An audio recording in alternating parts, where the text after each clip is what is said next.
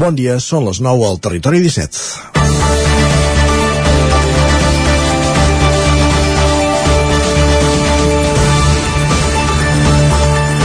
Quatre morts en els darrers quatre dies en circumstàncies tràgiques al Vallès Oriental i Osona. A la mort per accident de trànsit d'una veïna de la Vall d'en Bas de la C-37 a Manlleu, que els explicaven dilluns. Ahir, festivitat del Pilar, s'hi van afegir tres accidents més amb desenllaç fatal. La matinada de dimarts, un veí de la Llagosta de 38 anys es, es precipitava amb el cotxe per un marge de la C-59 a Caldes i perdia la vida. En el mateix accident, l'acompanyant va resultar ferida crítica. Hores més tard, els serveis d'emergències eren alertats d'un accident de muntanya a Gualba, al Montseny, on un veí d'aquesta mateixa localitat, de 84 anys, va caure per un marge de 50 metres quan participava en una excursió amb altres companys. I al migdia, un veí de Caldes de 59 anys perdia la vida en un accident de moto en una pista forestal entre Muntanyola i l'Estany. Quatre famílies colpides pel dolor i un, de, i un toc d'atenció, perquè mai podem abaixar la guàrdia.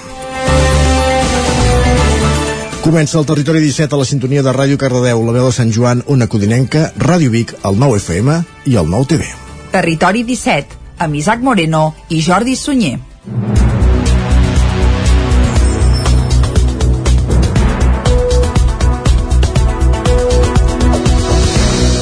Són les 9 i un minut i mig d'aquest dimecres amb regust de dilluns, això sí, dia 13 d'octubre de 2021. I de seguida arrencarem aquí a Territori 17 i us acostarem tota l'actualitat de les nostres comarques. Una mica abans de les 10 i posarem música. Avui ja avancem que serà una cançó de roba estesa i de seguida coneixerem el lligam usonenc d'aquestes noies del Camp de Tarragona. També anirem avui a l'entrevista, concretament a, les, a la veu de Sant Joan, per parlar amb el gastrònom Pep Tarrida, Gaspar Gaspar sí, no, Tarrida. Però parlarem d'economia social. Ai, ah, no, perdó. De solidaritat. D'habitatge. Eh? D'habitatge, d'habitatge. cooperatiu, perdona. Bé, tot i que, exacte, el Gaspar Tarrida el coneixem més per temes aquí a Territori 17, eh, gastronòmics, però parlarem d'habitatge.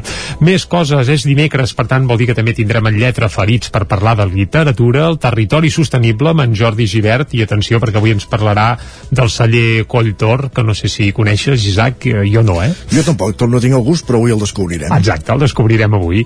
I com que és dimecres, acabarem fent un repàs a l'agenda cultural d'aquest proper cap de setmana, marcat per activitats com, per exemple, el Festival de Jazz de Vic, que continua d'en i que es claurà aquest proper diumenge. Tot això ho repassarem al llarg d'un programa que ara arrenca tot fent un repàs a l'actualitat de les nostres comarques, les comarques del Ripollès, Osona, el Moianès i el Vallès Oriental. Un veí de Caldes de Montbui de 59 anys mor en un accident de, de moto a Muntanyola. Un motorista va morir ahir dimarts al migdia en un accident de trànsit a Muntanyola. La víctima era un veí de Caldes de Montbui de 59 anys que per causes que s'estan investigant va sortir de la pista forestal per la que circulava entre Muntanyola i l'Estany. L'avís es va rebre poc després d'un quart d'una del migdia. S'hi van desplaçar quatre patrulles dels Mossos d'Esquadra, una ambulància i un helicòpter medicalitzat del SEM. Aquest és el segon accident mortal que hi ha hagut a les carreteres d'Osona aquests últims dies. Diumenge va perdre la vida una conductora en un xoc frontal a la C-37 en terme de Manlleu. La víctima era una veïna de la Vall d'en Bas de 67 anys. La matinada d'aquest dimarts, a més a més, també hi ha hagut un altre accident mortal. En aquest cas, ha set a la C-59 a Caldes de Montbui, on un veí de la Llagosta va morir després de precipitar-se per un marge de 7 metres. Amb aquesta víctima ja són 106 les persones que han mort en accident de trànsit enguany a la xarxa viària interurbana de Catalunya. Dilluns al matí es va localitzar el cos sense vida de l'home de 94 anys que es buscava des de divendres a Santa Eulàlia de Puigoriol, al Lluçanès. Voluntaris que participaven en la recerca el van trobar pels vols de dos quarts de deu a un quilòmetre i mig de la població, molt a prop del pantà de Santa Eulàlia. El dispositiu es va activar divendres a les 10 del vespre per l'alerta que van donar els familiars de l'home, un veí de Santa Eulàlia de Puigoriol, que a les 4 havia sortit de casa com feia habitualment, però no havia tornat. En la recerca hi van participar diferents unitats dels bombers, com els graes subaquàtics aquàtics i de muntanya, el grup caní de recerca, l'helicòpter i dotacions terrestres amb el suport del sistema d'emergències mèdiques, els Mossos d'Esquadra, agents rurals i persones voluntàries. Més qüestions. Osona s'aproxima a les 700 defuncions des de l'esclat de la pandèmia. Tot i la millora general dels indicadors, setmana a setmana es manté un degoteig de morts. Després de la quarta onada de la pandèmia, la primavera passada, les defuncions per causes relacionades amb la Covid-19 van experimentar un descens molt marcat, però als hospitals d'Osona els últims mesos encara s'han registrat morts, concretament entre dues i tres en algunes setmanes. Del 21 de setembre al 2 d'octubre, per exemple, s'encadenaven 12 dies consecutius sense defuncions, però però dissabte passat n'hi va haver dues i dilluns una altra. Aquest degoteig demostra que el coronavirus continua segant vides, malgrat la millora general dels indicadors. Una millora que es tradueix en que a hores d'ara a l'UCI del centre biguetà no hi ha ningú ingressat a causa del coronavirus, tot i que les últimes setmanes s'han fet algunes derivacions a Barcelona, mentre que en planta ara mateix, en el cas de l'Hospital de Vic, hi consten 17 persones. De totes elles, 12 estaven vacunades, però a més a més se les està tenent per factors de risc com asma asma, demència o hipertensió. De les altres cinc que no havien rebut la vacuna, quatre han passat pels llits de cures intensives. Treballant sobre el terreny des de l'Hospital Universitari de Vic han detectat que pel que fa a la vacunació costa especialment penetrar en col·lectius de nouvinguts amb barreres socioculturals o d'accés a la informació. És per aquest motiu que la direcció del centre s'ha reunit amb líders de comunitats com la Magrebina, igual que l'EAP del Vic Sud o també l'Ajuntament de Manlleu. Des del centre també apunten que el degoteig de defunció funcions pot ser més espaiat, però que no s'aturarà. Els fa patir l'arribada del fred pel risc d'un increment de casos i perquè calgui atendre novament persones a qui la Covid-19 ha deixat seqüeles greus, com ara pneumonies. Les dades que actualitza Salut setmana a setmana eleven ara mateix a 691 les víctimes mortals del coronavirus a Osona entre el març de l'any passat i aquest mes d'octubre. I seguim parlant de coronavirus. La reobertura de l'oci nocturn aquest passat cada setmana ha suposat un pas més en la reducció de les restriccions restriccions per la Covid-19 a Catalunya, que ha continuat aquesta setmana amb la recuperació de la presencialitat total a les universitats. I aquí encara cal afegir-hi que a partir d'aquest proper divendres es recuperaran els aforaments del 100% a la cultura, als esdeveniments esportius a l'aire lliure i a la restauració. El conseller de Salut, Josep Maria Argimon, ho explicava divendres al programa I Bona Lletra del Nou TV. Jo crec que en dos o tres setmanes tindrem tota aquesta normalitat entre cometes, eh, la normalitat, entre cometes, però virtut aquests aforaments, que és el que en aquests moments tenim les restriccions, eh, encara amb, amb aforaments, doncs els espectacles, els esdeveniments esportius, cultura, també en, en restauració, jo crec que tot això ja tindrem en aquestes dues o tres setmanes acabarem decidint a la delegada del govern, a la comissió de delegada del govern acabarem decidint. Si les dades epidemiològiques no empitjoren, el govern descarta utilitzar el certificat Covid més enllà de l'oci nocturn i en aquest sector preveu que sigui un requisit temporal. És superior al benefici d'aquest ús del certificat digital que permet reobrir un sector tancat que no el, el possible doncs, aquesta pèrdua petita de drets i llibertats. Però com tota pèrdua de drets i llibertats ha de ser el més curt en el temps possible. El conseller de Salut, Josep Maria Argimon, també va explicar que el següent pas en el relaxament de les mesures anticovid seran l'obligatorietat de les mascaretes, que de moment continua vigent i també ho serà a partir de divendres. Això sí, no va posar terminis perquè l'arribada del fred podria complicar la situació. Gràcies, Jordi. Anem cap al Ripollès. Adif han de recuperar l'antic magatzem de l'estació de Planoles i l'Ajuntament vol reconvertir l'espai per potenciar el turisme.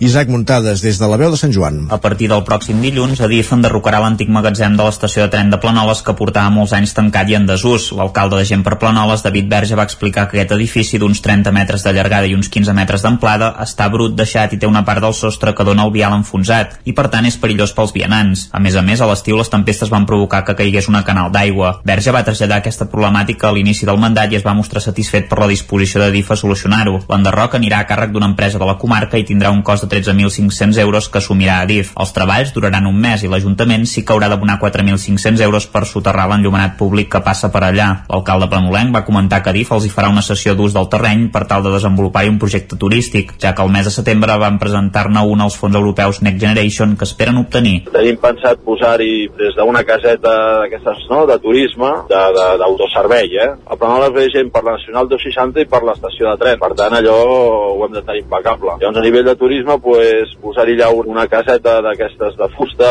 informació turística. Pensa que aquesta estació de tren està al costat de l'alberg de la Generalitat, està a dos minuts, per tant, eh, molta gent que ve a l'alberg ve amb, amb tren. Aleshores tenim pensat fer això, posar una àrea de bicicletes, posar una àrea per unes, vam calcular unes 5 autocaravanes i després una altra àrea posar un d'aquests parcs de calistènia que diuen. Verge va recordar que l'estació abans estava molt deixada, però en els últims temps ha dit va substituir les rajoles de l'andana que estaven aixecades, va reparar un accés a les escales destrossat, va enderrocar un mur, va retirar una quinzena de travesseres o va construir un aixopluc per la gent que anava en direcció a Barcelona. El consistori també va arreglar una zona enjardinada. Un any més, Cardedeu ha celebrat la Fira Ecosocial organitzada amb un model cooperatiu entre l'Ajuntament de Cardedeu i l'Ateneu del Vallès Oriental. Núria Lázaro, des de Ràdio Televisió de Cardedeu. Quarta edició de la Fira Ecosocial a Cardedeu. Aquest any diferent als anteriors, ja que ha durat tota una setmana. Xerrades diàleg durant la setmana entre membres del col·lectiu Eixarculant i la Fundació Espigoladors. Homenatge a Arcadi Oliveres amb la presència de la diputada de la CUP, Eulàlia Raguant i la Janine Kunzi i la projecció del documental El cos de la fruita sobre la situació dels temporers a les terres de Ponents. Tot ha culminat amb una fira a Sant Corneli amb les parades de les diverses entitats participants organitzada amb un model cooperatiu entre l'Ajuntament de Cardedeu i l'Ateneu Cooperatiu del Vallès Oriental. Huc Luqueti, regidor de l'Ajuntament de Cardedeu. D'alguna manera pugui ser una alternativa a una economia més basada en el benefici i la competència, no? I, i, i basar-nos en una economia més cooperativa i on el benestar de les persones i del territori estigui en el centre de la presa de decisions la Fira Ecosocial és l'evolució d'ajuntar la Fira de la Cooperació i la Fira de l'Economia Social. Com a resultat, la Fira té d'una banda parades d'entitats de solidaritat i cooperació internacional i d'altres tants d'entitats del territori que tenen a veure amb l'economia social i l'agroecologia. Dins d'aquestes segones entitats trobem la banca solidària Fiare i Cal Palenou. Tots els diners que recull Fiare només eh, els utilitza per finançar projectes que tinguin un impacte positiu, que siguin transformadors i evidentment s'allunya de les pràctiques bancàries convencionals d'especulació, d'invertir en projectes on l'únic que interessa és el retorn econòmic. Amb la Fira Ecosocial el que es pretén és sensibilitzar i donar a conèixer les alternatives econòmiques i les diverses cooperatives a tot aquell públic no tan familiaritzat amb aquestes idees. Ceba va celebrar diumenge la 23a edició de la Festa del Bolet. La proposta, que l'any passat es va haver de suspendre a causa de la pandèmia, va recuperar l'ambient i el nombre de visitants propis d'abans de la crisi sanitària.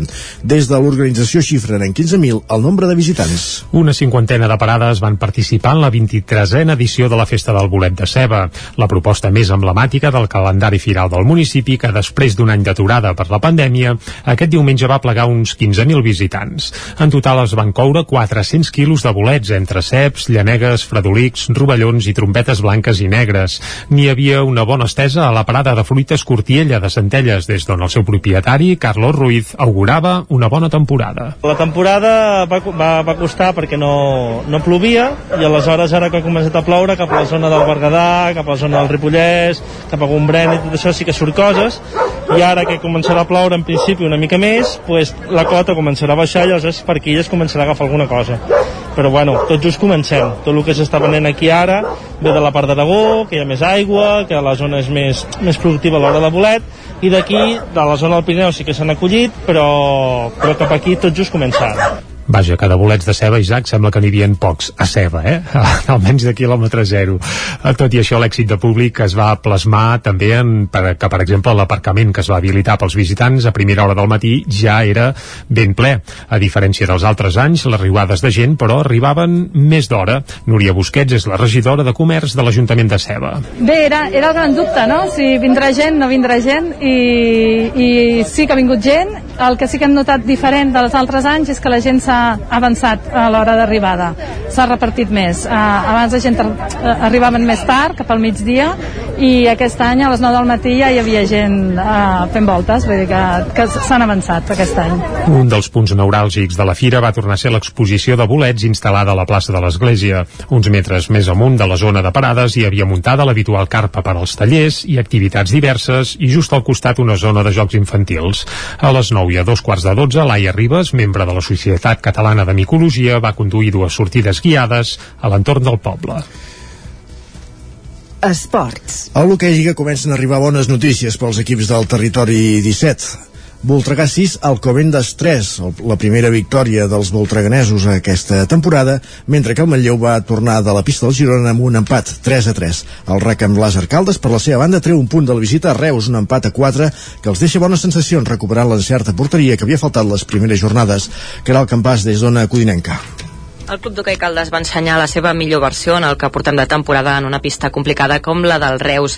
En alguns moments del joc recordaven l'equip de l'any passat com a l'inici amb el gol de Lluís Ricard. Uh, Reus uh, reaccionava al minut 5 empatant el partit però després apareixien els germans Asensi. Alexandre marcava l'1 a 2 amb el que s'arribava al descans i a la represa Roger marcava l'1 a 3. Més tard un intercanvi de penaltis feia pujar el marcador fins al 2-4 en un inici esbojarrat de segona segona part sentim Edu Candami, tècnic d'alcaldes. Per començar el joc, jo penso que hem fet un molt bon partit. Penso que amb el 2-4 hem pogut matar el partit i fer el 5 i el 6, però no hem estat encertats, n'hem fallat sols contra el porter i, bueno, i era evident que el Reus tindria un últim matxaque, que ha penjat tot tres boles, ha tingut allà una mica de fortuna amb un gol bueno, eh, però jo em quedo amb el joc i amb l'actitud de l'equip.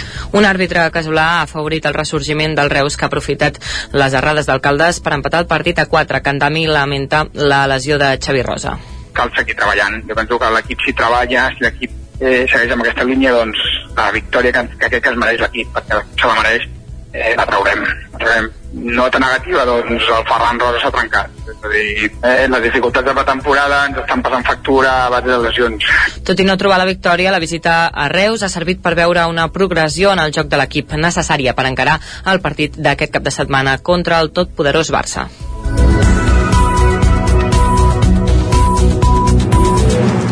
Arribats a aquest punt, després de repassar la informació del dia, repassem la previsió meteorològica.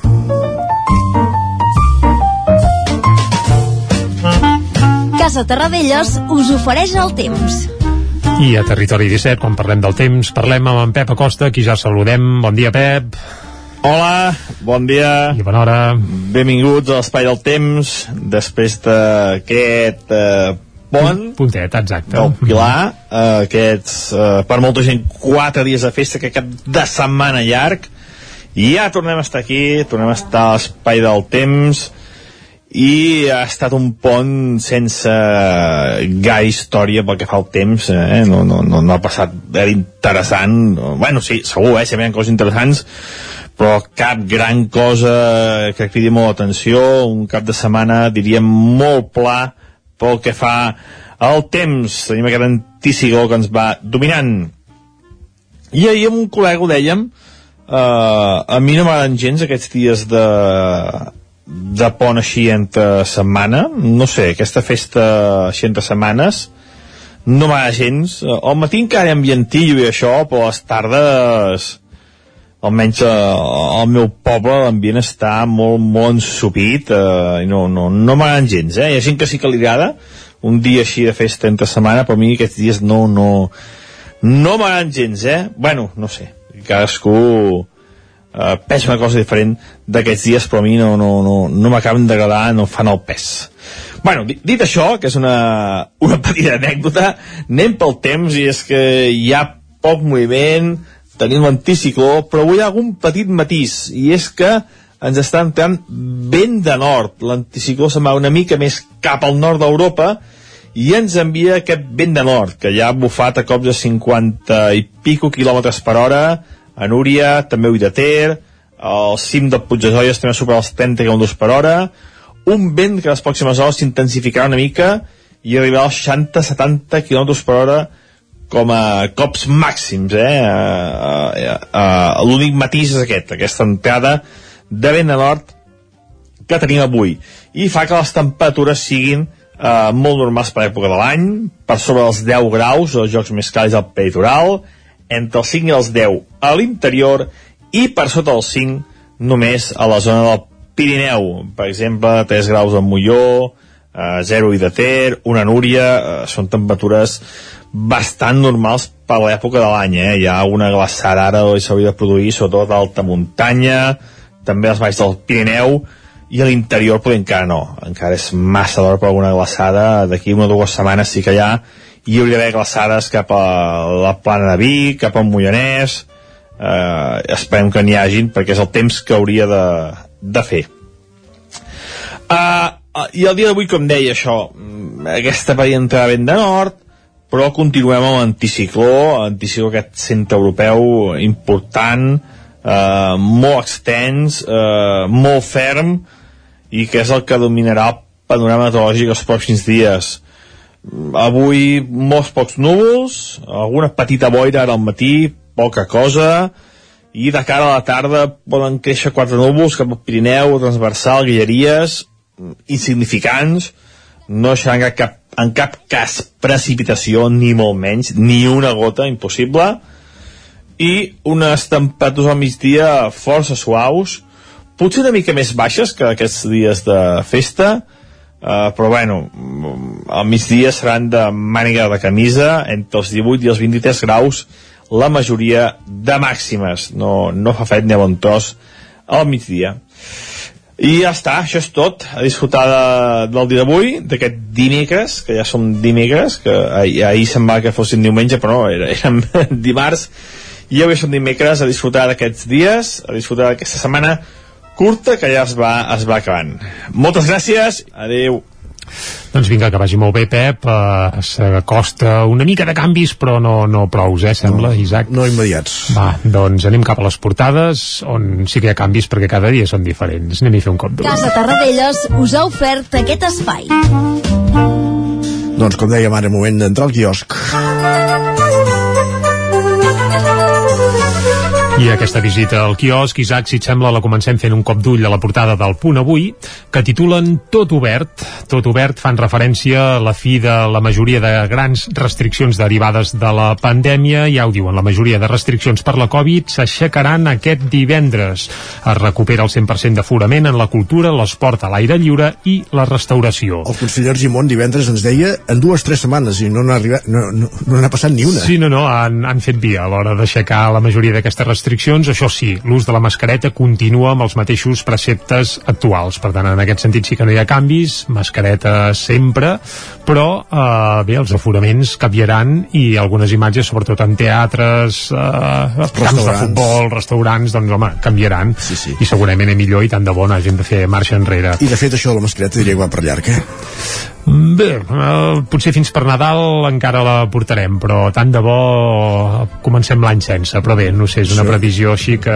que sí. la llancem al vol sense cap teoria ni cap uh, coneixement, eh? Cap argument, però, exacte. però vaja. Uh, avui al matí he sentit el conseller d'Educació, el González Cambrai, que apuntava que possiblement el retorn a les aules després de Nadal es podria fer a primària, eh? això sí, uh, sense mascareta, sense certificar res, eh? ho deixava anar així una mica que ja es veurà. Però vaja, més es podria portades, interpretar. Va. Més portades, va. Uh, del punt avui anem cap a l'ara. El govern retira gairebé totes les restriccions pel Covid. Divendres torna l'aforament al 100% a la cultura, esports, aire lliure, bars i restaurants. La foto pel 12 d'octubre. El 12O separa del tot Sánchez i Casado. A la foto uns avionets que feien dibuixets amb fum al cel de Madrid uh, ahir. I nou intent per eliminar el concert amb les escoles que segreguen per sexe. Sembla que finalment uh, una vegada ja ho va intentar la Generalitat fa un parell d'anys, però li van tombar i ara diuen que tenien que tenen, vaja, l'empara legal per fer-ho. Veurà. La Vanguardia, va, Catalunya deixa enrere l'emergència i elimina quasi totes les restriccions. Eh, Semblen molt els titulars dels diaris a Catalunya. La foto és per Pedro Sánchez i uh, Felip VI. Que el van xiular en Pedro Sánchez, eh? Sí, és una de les tradicions de... Gairebé, amb, una, amb una jornada com ahir, gairebé, si xiulen potser millor fins i tot, no? Depèn, tenint en compte d'on venen els xiulets. Bé, l'altre tema és que, eh, bé, tant és, no entrarem en gaires detalls, si algú li agraden les desfilades militars, qui faci cap, que és el que va fer Pedro Sánchez, el 12 d'octubre recupera la desfilada després de la pandèmia. I també un, al peu de, de la portada, el Sàhara està en guerra, ho proclama el líder del front Polisari. Deixem la Vanguardia, anem cap al periòdico, alerta de l'FMI per la inflació. Aquest és el titular principal del periòdico que posen el crit d'alerta perquè sembla que la inflació està desbocada. A la foto, menys restriccions i la foto és una gent que està fent cua per entrar a un establiment. Sembla que s'acabaran aquestes cues, almenys algunes, eh? perquè diu que Catalunya anuncia per divendres al final de la majoria de les limitacions per la Covid. La mascareta en interiors, però, es manté. Això és el que apunten al periòdico. El periòdico que des d'ahir té un germà. Exacte, i això és el que volíem apuntar ara mateix. És a dir, té un germà que es diu El Periódico d'Espanya. Uh... Jo pensava que la capçalera seria igual i que en lloc de, de Catalunya diria d'Espanya, però no, no, és una capçalera totalment sí, totalment nova, diferent. I que diu El Periódico d'Espanya amb lletres ben grans. Eh? Sí, el, lletra, el tipus de lletra també és diferent, per tant, bé, són germans, però no s'assemblen gaire. I el titular és La Fiscalia preveu exonerar el rei emèrit sense la documentació suïssa. Això és el que titulen el Periódico d'Espanya, on també expliquen en portada que fan un reportatge sobre una guerra civil que hi ha entre els antivacunes. Això és el que diuen uh, uh, bé, en aquesta nova capçalera que s'estrena, que es va estrenar ahir, Isaac? Sí, sí, sí 12 d'octubre. 12 d'octubre. Tenien alguna a celebrar i és, si més no, que naixia, que naixia un diari. I la foto és per, per la Palma, eh? per la, pels desplaçats. Diu gairebé 2.000 desplaçats pel volcà a la Palma. No, 7.000, diu. Gairebé 7.000 desplaçats Carai, pel volcà. A, tanta distància no llegia el número, perdó. Sí, és que no el tenim físic, eh? això també és, és cert, eh? tenim la portada internàutica d'aquest uh, mitjà que bé físicament jo encara no l'he vist però, però bé, sí per fer un cop d'ull. Uh, seguim amb les portades que s'editen des de Madrid i anem ara a fer un cop d'ull al país que diu el Regne Unit amenaça la Unió Europea amb una guerra comercial per reobrir el Brexit.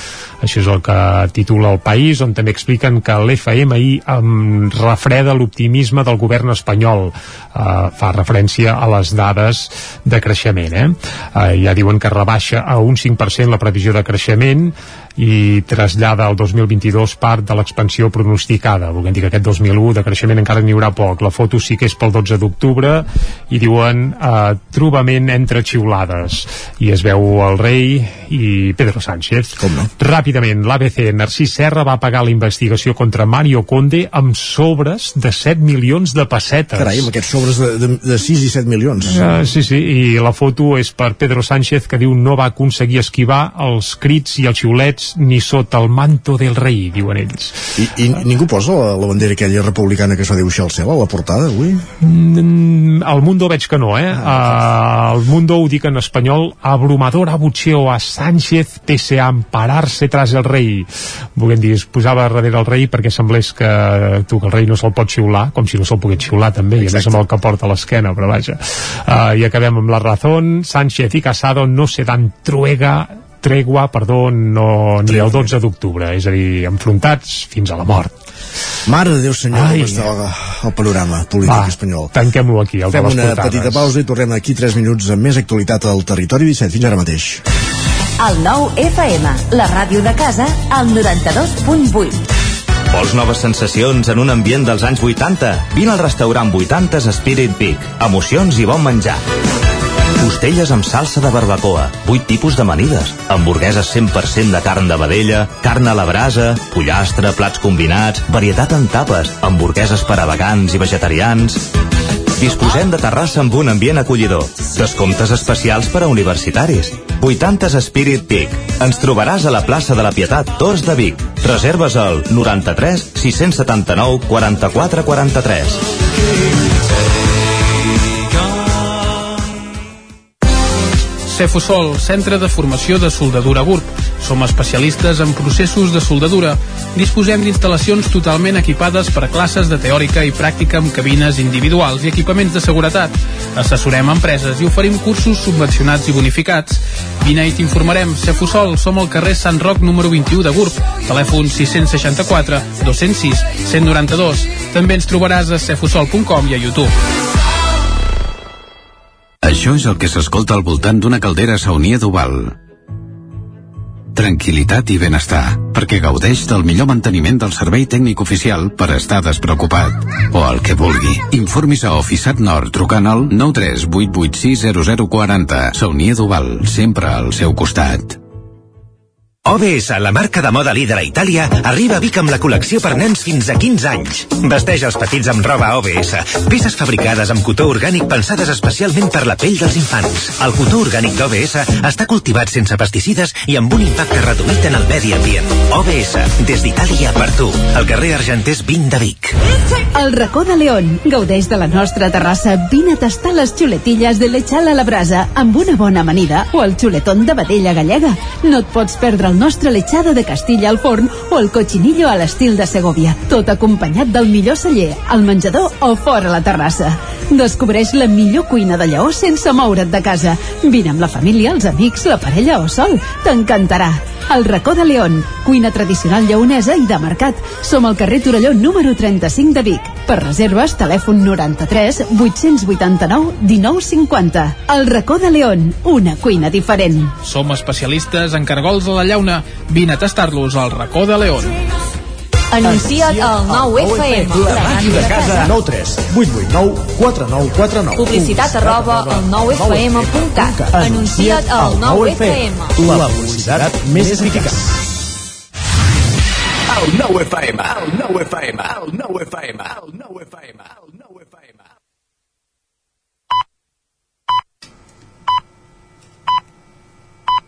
Són dos quarts de deu. Territori 17, amb Isaac Moreno i Jordi Sunyer.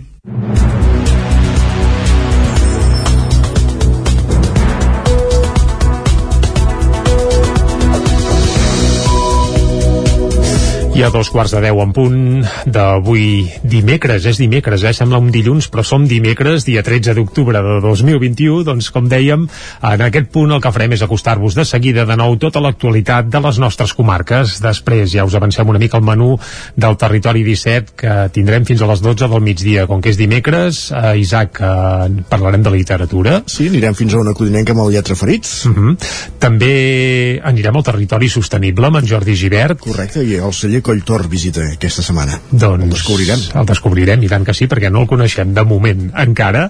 Anirem per la R3, també, com fem cada dia. A l'entrevista anirem fins a la veu de Sant Joan i avui acabarem fent un repàs a l'agenda cultural per aquest proper cap de setmana, marcat perquè els teatres i auditoris podran estar al 100% i eh, n'hi ha alguns que encara, clar, com que ja han venut entrades amb eh, espais, etc, alguns encara mantindran algunes restriccions, però en teoria, si es vol, aquest cap de setmana ja es podrien omplir de gom a gom i sense cadires buides als teatres d'Osona. Però amb mascareta, això sí, eh? Ah, això sí, tots emmascarats, que la mascareta i més en espais interiors continua sent obligatòria. Tot això ho repassarem durant un programa que s'allargarà, com sempre, fins a les 12. Ara el que toca, però, és acostar-vos de nou l'actualitat de casa nostra, l'actualitat de les comarques del Ripollès, Osona, el Moianès i el Vallès Oriental. Un veí de Caldes de Montbui de 59 anys mor en un accident de, de moto a Muntanyola. Un motorista va morir ahir dimarts al migdia en un accident de trànsit a Muntanyola. La víctima era un veí de Caldes de Montbui de 59 anys que per causes que s'estan investigant va sortir de la pista forestal per la que circulava entre Muntanyola i l'Estany. L'avís es va rebre poc després d'un quart d'una del migdia. S'hi van desplaçar quatre patrulles dels Mossos d'Esquadra, una ambulància i un helicòpter medicalitzat del SEM. Aquest és el segon accident mortal que hi ha hagut a les carreteres d'Osona aquests últims dies. Diumenge va perdre la vida una conductora en un xoc frontal a la C-37 en terme de Manlleu. La víctima era una veïna de la Vall d'en Bas de 67 anys. La matinada d'aquest dimarts, a més a més, també hi ha hagut un altre accident mortal. En aquest cas, ha set a la C-59 a Caldes de Montbui, on un veí de la Llagosta va morir després de precipitar-se per un marge de 7 metres. Amb aquesta víctima ja són 106 les persones que han mort en accident de trànsit enguany a la xarxa viària interurbana de Catalunya. Dilluns al matí es va localitzar el cos sense vida de l'home de 94 anys que es buscava des de divendres a Santa Eulàlia de Puigoriol, al Lluçanès.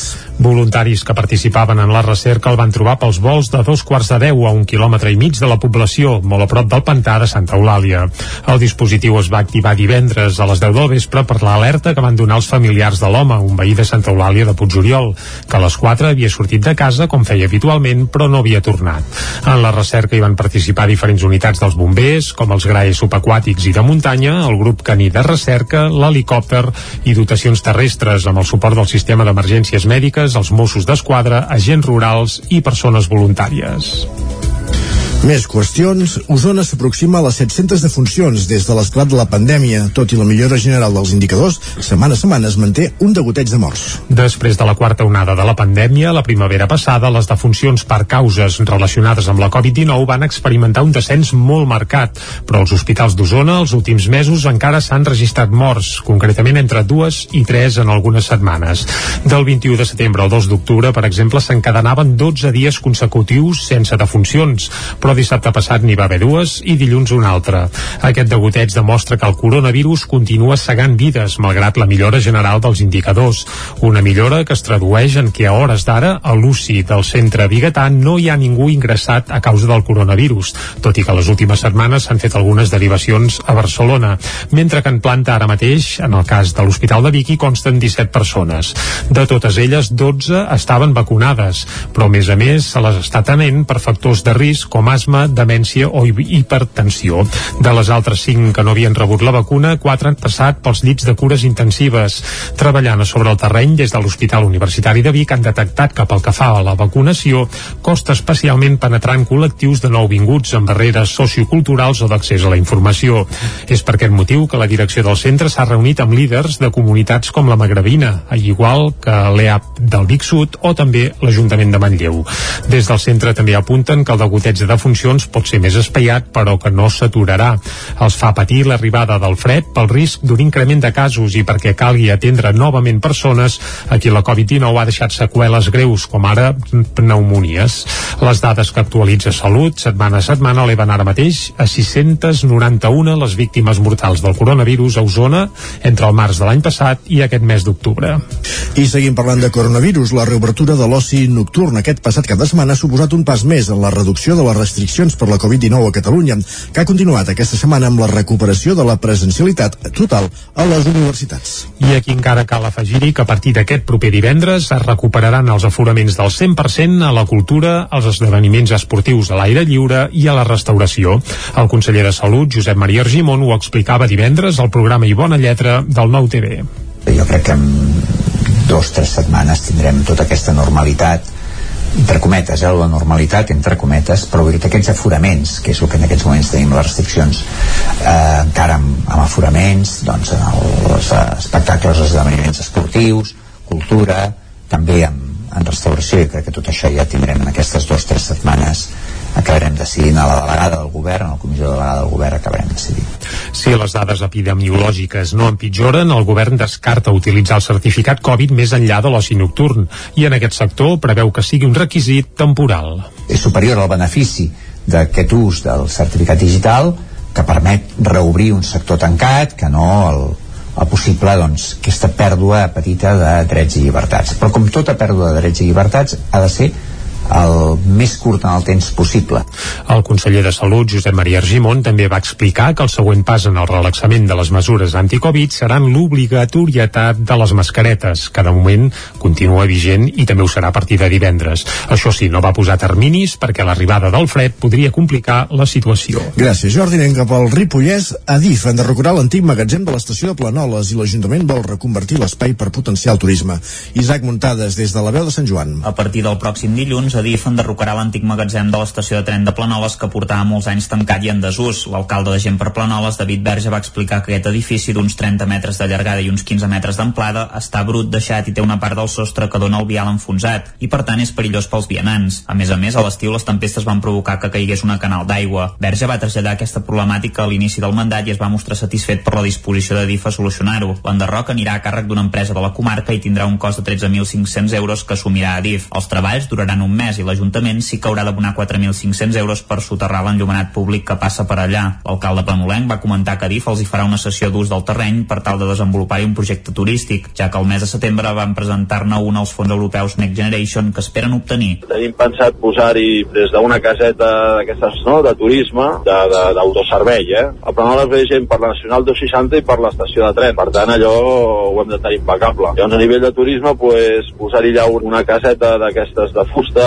informació turística. Pensa que aquesta estació de tren està al costat de l'alberg de la Generalitat, està a dos minuts, per tant, eh, molta gent que ve a l'alberg ve amb, amb tren. Aleshores tenim pensat fer això, posar una àrea de bicicletes, posar una àrea per unes, vam calcular unes 5 autocaravanes, i després una altra àrea posar un d'aquests parcs de calistènia que diuen. Verge va recordar que l'estació abans estava molt deixada, però en els últims temps ha dit va substituir les rajoles de l'andana que estaven aixecades, va reparar un accés a les escales destrossat, va enderrocar un mur, va retirar una quinzena de travesseres o va construir un aixopluc per la gent que anava en direcció a Barcelona. El consistori també va arreglar una zona enjardinada. Un any més, Cardedeu ha celebrat la Fira Ecosocial organitzada amb un model cooperatiu entre l'Ajuntament de Cardedeu i l'Ateneu del Vallès Oriental.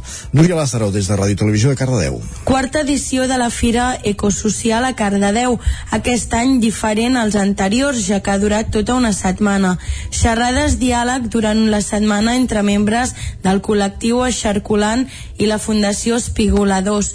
Homenatge a Arcadi Oliveres amb la presència de la diputada de la CUP, Eulàlia Raguant i la Janine Kunzi i la projecció del documental El cos de la fruita sobre la situació dels temporers a les terres de Ponents. Tot ha culminat amb una fira a Sant Corneli amb les parades de les diverses entitats participants organitzada amb un model cooperatiu entre l'Ajuntament de Cardedeu i l'Ateneu Cooperatiu del Vallès Oriental. Huc Luqueti, regidor de l'Ajuntament de Cardedeu. D'alguna manera pugui ser una alternativa a una economia més basada en el benefici i la competència, no? I, i, i basar-nos en una economia més cooperativa i on el benestar de les persones i del territori estiguin al centre de la presa de decisions. La Fira Ecosocial és l'evolució d'ajuntar la Fira de la Cooperació i la Fira de l'Economia Social. Com a resultat, la Fira té d'una banda parades d'entitats de solidaritat i cooperació internacional i d'altres tants d'entitats del territori que tenen a veure amb l'economia social i l'agroecologia. Dins d'aquestes segones entitats trobem la banca solidària Fiare i Cal Palenou. Tots els diners que recull Fiare només eh, els utilitza per finançar projectes que tinguin un impacte positiu, que siguin transformadors i evidentment s'allunya de les pràctiques bancàries convencionals d'especulació, d'invertir en projectes on l'únic que interessa és el retorn econòmic. Amb la Fira Ecosocial el que es pretén és sensibilitzar i donar a conèixer les alternatives econòmiques i les diverses cooperatives a tot aquell públic no tan familiaritzat amb aquestes idees. Ceba va celebrar diumenge la 23a edició de la Festa del Bolet. La proposta, que l'any passat es va haver de suspendre a causa de la pandèmia, va recuperar l'ambient i el nombre de visitants propis d'abans de la crisi sanitària. Des de l'organització xifren en 15.000 el nombre de visitants. Una cinquantena de parades van participar en la 23a edició de la Festa del Bolet de Ceba, la proposta més emblemàtica del calendari firal del municipi que després d'un any d'aturada per la pandèmia, aquest diumenge va plegar uns 15.000 visitants.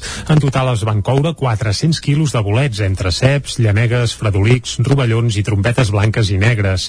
N'hi havia una bona estesa a la parada de fruites Cortiella de Centelles, des d'on el seu propietari, Carlos Ruiz, augurava una bona temporada. La temporada va, va, va costar perquè no, no plovia i aleshores ara que ha començat a ploure cap a la zona del Berguedà, cap a la zona del Ripollès, cap a Gombrèn i tot això sí que surt coses i ara que començarà a ploure en principi una mica més, pues, la cota començarà a baixar i aleshores per aquí ja es començarà a agafar alguna cosa. Però bueno, tot just comencem. Tot el que s'està venent aquí ara ve de la part d'Aragó, que hi ha més aigua, que la zona és més, més productiva a l'hora de bolet, i d'aquí, de la zona del Pirineu sí que s'han acollit, però, però cap aquí tot just comença ara. Vaja, de bolets de ceba, Isaac, sembla que n'hi havia pocs a ceba, eh? Almenys de quilòmetre zero. Tot i això, l'èxit de públic es va plasmar també en per, que, per exemple, l'aparcament que es va habilitar pels visitants a primera hora del matí ja era ben ple. A diferència dels altres anys, les riuades de gent, però, arribaven més d'hora.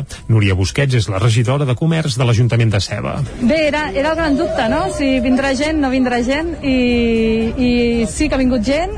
El que sí que hem notat diferent dels altres anys és que la gent s'ha avançat a l'hora d'arribada. S'ha repartit més. Uh, abans la gent uh, arribaven més tard, cap al migdia, i aquest any a les 9 del matí ja hi havia gent uh, fent voltes, vull dir que, que s'han avançat aquest any. Un dels punts neuràlgics de la fira va tornar a ser l'exposició de bolets instal·lada a la plaça de l'Església. Uns metres més amunt de la zona de parades hi havia muntada l'habitual carpa per als tallers i activitats diverses i just al costat una zona de jocs infantils. A les 9 i a dos quarts de 12, Laia Ribes, membre de la Societat Catalana de Micologia va conduir dues sortides guiades a l'entorn del poble. Esports. A l'hoquei Lliga comencen a arribar bones notícies pels equips del territori 17. Voltregà 6, Alcobendas 3, la primera victòria dels voltreganesos aquesta temporada, mentre que el Manlleu va tornar de la pista del Girona amb un empat 3 a 3. El RAC amb Làser Caldes, per la seva banda, treu un punt de la visita a Reus, un empat a 4, que els deixa bones sensacions recuperant l'encert a porteria que havia faltat les primeres jornades, que era el campàs des d'Ona Codinenca. El Club d'Hockey Caldes va ensenyar la seva millor versió en el que portem de temporada en una pista complicada com la del Reus.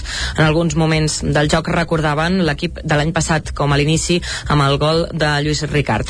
Uh, Reus uh, reaccionava al minut 5 empatant el partit però després apareixien els germans Essència. Alexandre marcava l'1 a 2 amb el que s'arribava al descans i a la represa Roger marcava l'1 a 3. Més tard un intercanvi de penaltis feia pujar el marcador fins al 2-4 en un inici esbojarrat de segona segona part sentim Edu Candami, tècnic d'alcaldes. Per començar el joc, doncs hem fet un molt bon partit, penso que amb el 2-4 hem pogut matar el partit i fer el 5 i el 6 però no hem estat encertats n'hem tallat sols contra el porter. I bueno, i era evident que el Reus tindria un últim matxaque que ha penjat tot tres boles, ha tingut allà una mica de fortuna amb un gol. Bueno, eh, però jo em quedo amb el joc i amb l'actitud de l'equip.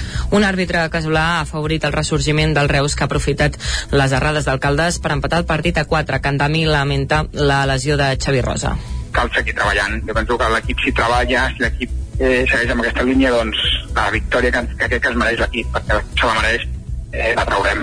La traurem. Nota negativa, doncs el Ferran Rosa s'ha trencat. És a dir, eh, les dificultats de la temporada ens estan passant factura a base de lesions. Tot i no trobar la victòria, la visita a Reus ha servit per veure una progressió en el joc de l'equip necessària per encarar el partit d'aquest cap de setmana contra el totpoderós Barça.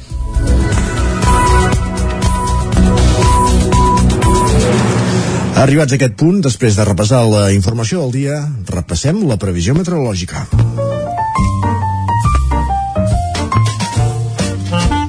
Casa Terradellos us ofereix el temps. I a Territori 17, quan parlem del temps, parlem amb en Pep Acosta, qui ja saludem. Bon dia, Pep. Hola, bon dia. I bona hora. Benvinguts a l'Espai del Temps, després d'aquest eh, pont puntet, exacte del Pilar eh, aquests, eh, per molta gent quatre dies de festa que cap de setmana llarg i ja tornem a estar aquí tornem a estar a l'espai del temps i ha estat un pont sense gaire història pel que fa al temps eh? no, no, no, no ha passat interessant bueno sí, segur, eh? sempre hi ha coses interessants però cap gran cosa que cridi molt l'atenció un cap de setmana diríem molt pla pel que fa al temps. Tenim aquest anticicló que ens va dominant. I ahir amb un col·lega ho dèiem, eh, a mi no m'agraden gens aquests dies de, de pont així entre setmana. No sé, aquesta festa així entre setmanes no m'agrada gens. Al matí encara hi ha ambientillo i això, però a les tardes almenys eh, al meu poble l'ambient està molt, molt ensupit eh, i no, no, no m'agraden gens eh? hi ha gent que sí que li agrada un dia així de festa entre setmana però a mi aquests dies no no, no m'agraden gens eh? bueno, no sé, cadascú eh, pensa una cosa diferent d'aquests dies però a mi no, no, no, no m'acaben d'agradar no fan el pes bueno, dit això, que és una, una petita anècdota anem pel temps i és que hi ha poc moviment tenim l'anticicló, però avui hi ha algun petit matís, i és que ens està entrant vent de nord. L'anticicló se'n va una mica més cap al nord d'Europa i ens envia aquest vent de nord, que ja ha bufat a cops de 50 i pico quilòmetres per hora, a Núria, també a Ter, al cim del Puig de Zolles també supera els 30 km per hora, un vent que les pròximes hores s'intensificarà una mica i arribarà als 60-70 km per hora com a cops màxims, eh? L'únic matís és aquest, aquesta entrada de vent de nord que tenim avui. I fa que les temperatures siguin uh, molt normals per època de l'any, per sobre dels 10 graus, els jocs més càlids al peritoral, entre els 5 i els 10 a l'interior, i per sota dels 5 només a la zona del Pirineu. Per exemple, 3 graus a Molló, uh, 0 i de Ter, una Núria, uh, són temperatures bastant normals per l'època de l'any, eh? Hi ha una glaçada ara que s'hauria de produir, sobretot a alta muntanya, també als baix del Pirineu, i a l'interior però encara no, encara és massa d'hora per alguna glaçada, d'aquí una o dues setmanes sí que hi ha, hi hauria d'haver glaçades cap a la plana de Vic, cap al Moianès. Eh, esperem que n'hi hagin perquè és el temps que hauria de, de fer. Uh, i el dia d'avui com deia això mm, aquesta variant entrarà vent de nord però continuem amb l'anticicló anticicló aquest centre europeu important eh, molt extens eh, molt ferm i que és el que dominarà el panorama meteorològic els pròxims dies. Avui molts pocs núvols alguna petita boira ara al matí poca cosa i de cara a la tarda poden créixer quatre núvols cap al Pirineu, transversal, guilleries insignificants no deixaran cap, en cap cas precipitació ni molt menys, ni una gota impossible i unes temperatures al migdia força suaus potser una mica més baixes que aquests dies de festa Uh, però bueno, al migdia seran de màniga de camisa entre els 18 i els 23 graus la majoria de màximes. No, no fa fred ni a bon tros al migdia i ja està, això és tot a disfrutar de, del dia d'avui d'aquest dimecres, que ja som dimecres que ahir, ahir semblava que fossin diumenge però no, era, érem dimarts i avui som dimecres a disfrutar d'aquests dies a disfrutar d'aquesta setmana curta que ja es va, es va acabant. Moltes gràcies, adeu. Doncs vinga, que vagi molt bé, Pep. Uh, S'acosta una mica de canvis, però no, no prous, eh, sembla, no, Isaac? No immediats. Va, doncs anem cap a les portades, on sí que hi ha canvis, perquè cada dia són diferents. Anem a fer un cop d'ull. Casa Tarradellas us ha ofert aquest espai. Doncs com dèiem ara, moment d'entrar al quiosc. I aquesta visita al quiosc, Isaac, si et sembla, la comencem fent un cop d'ull a la portada del Punt Avui, que titulen Tot obert. Tot obert fan referència a la fi de la majoria de grans restriccions derivades de la pandèmia. Ja ho diuen, la majoria de restriccions per la Covid s'aixecaran aquest divendres. Es recupera el 100% d'aforament en la cultura, l'esport a l'aire lliure i la restauració. El conseller Argimon divendres ens deia en dues o tres setmanes i no n'ha no, no, no n'ha passat ni una. Sí, no, no, han, han fet via a l'hora d'aixecar la majoria d'aquestes restriccions restriccions, això sí, l'ús de la mascareta continua amb els mateixos preceptes actuals. Per tant, en aquest sentit sí que no hi ha canvis, mascareta sempre, però eh, bé, els aforaments canviaran i algunes imatges, sobretot en teatres, eh, camps de futbol, restaurants, doncs home, canviaran. Sí, sí. I segurament és millor i tant de bo hàgim de fer marxa enrere. I de fet això de la mascareta diria que va per llarg, eh?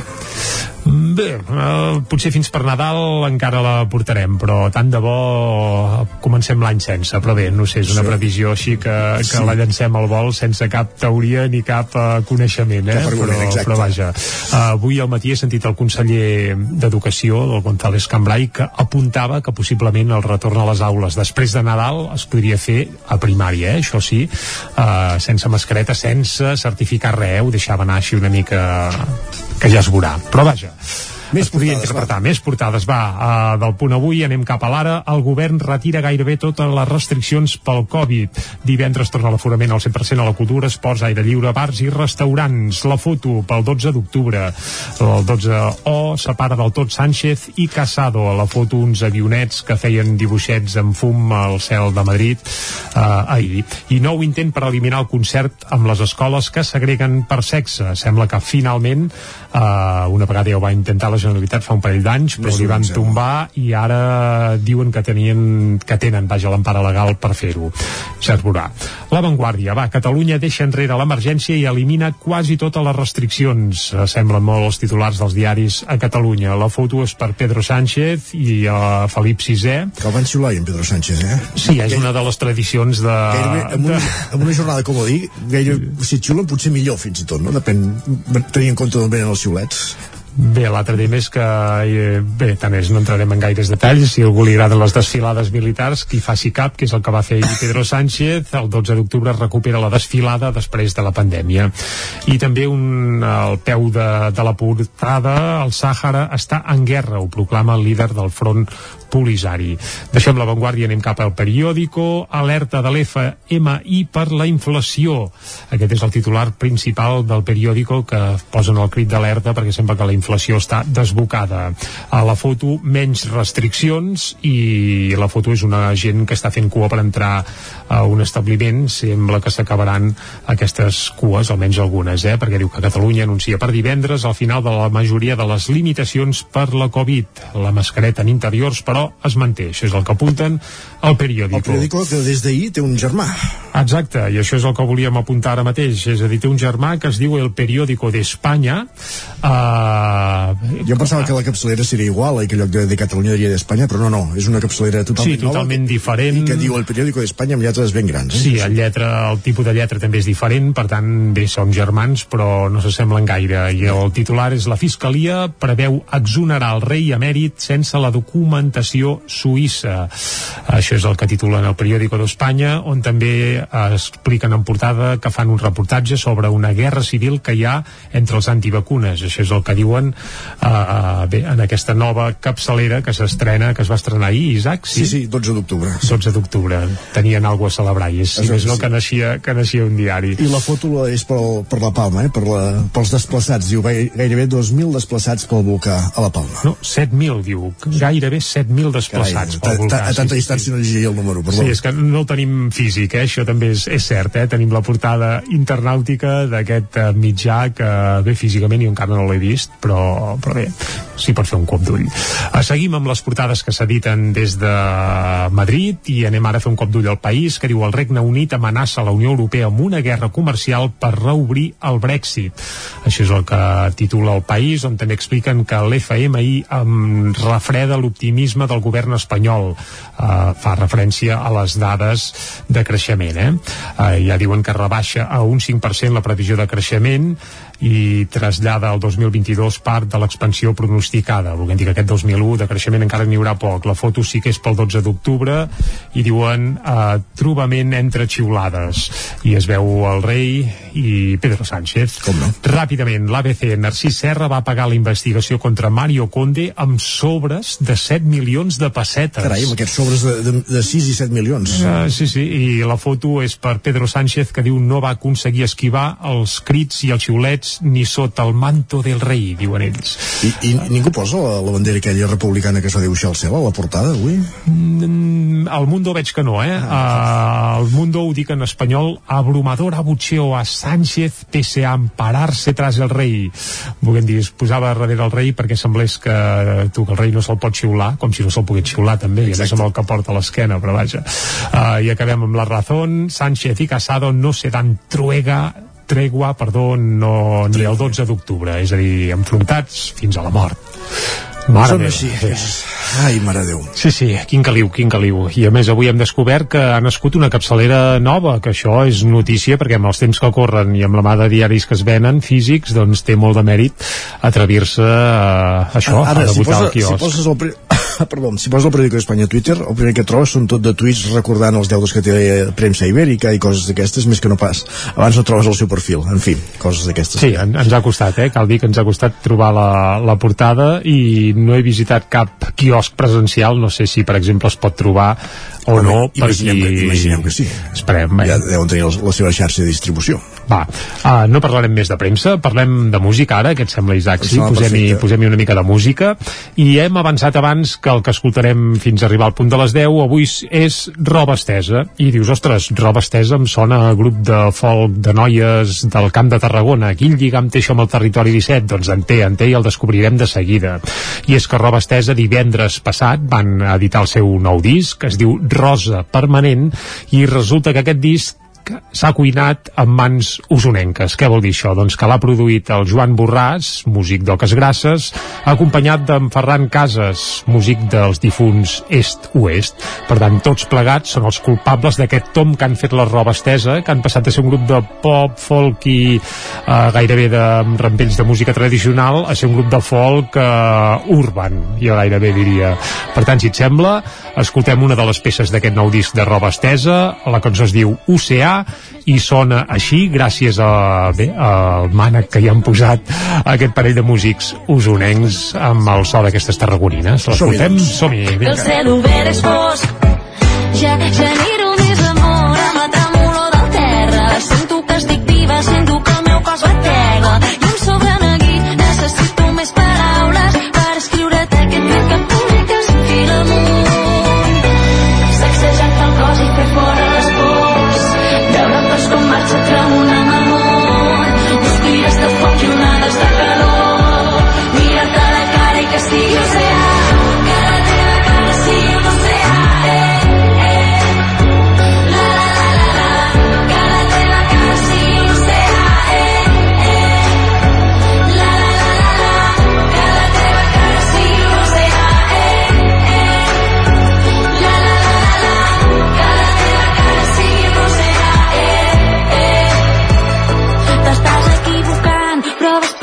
camí correcte, sempre amb les mans, en blanc sempre amb les mans, obertes, tens, tens les cames rajades de tan jardí blanc. Com et diria que t'estimo, que t'estimo, quan genero més amor amb la tremolor de terra. Sento que estic viva, sento que el meu cos batega, i em sobra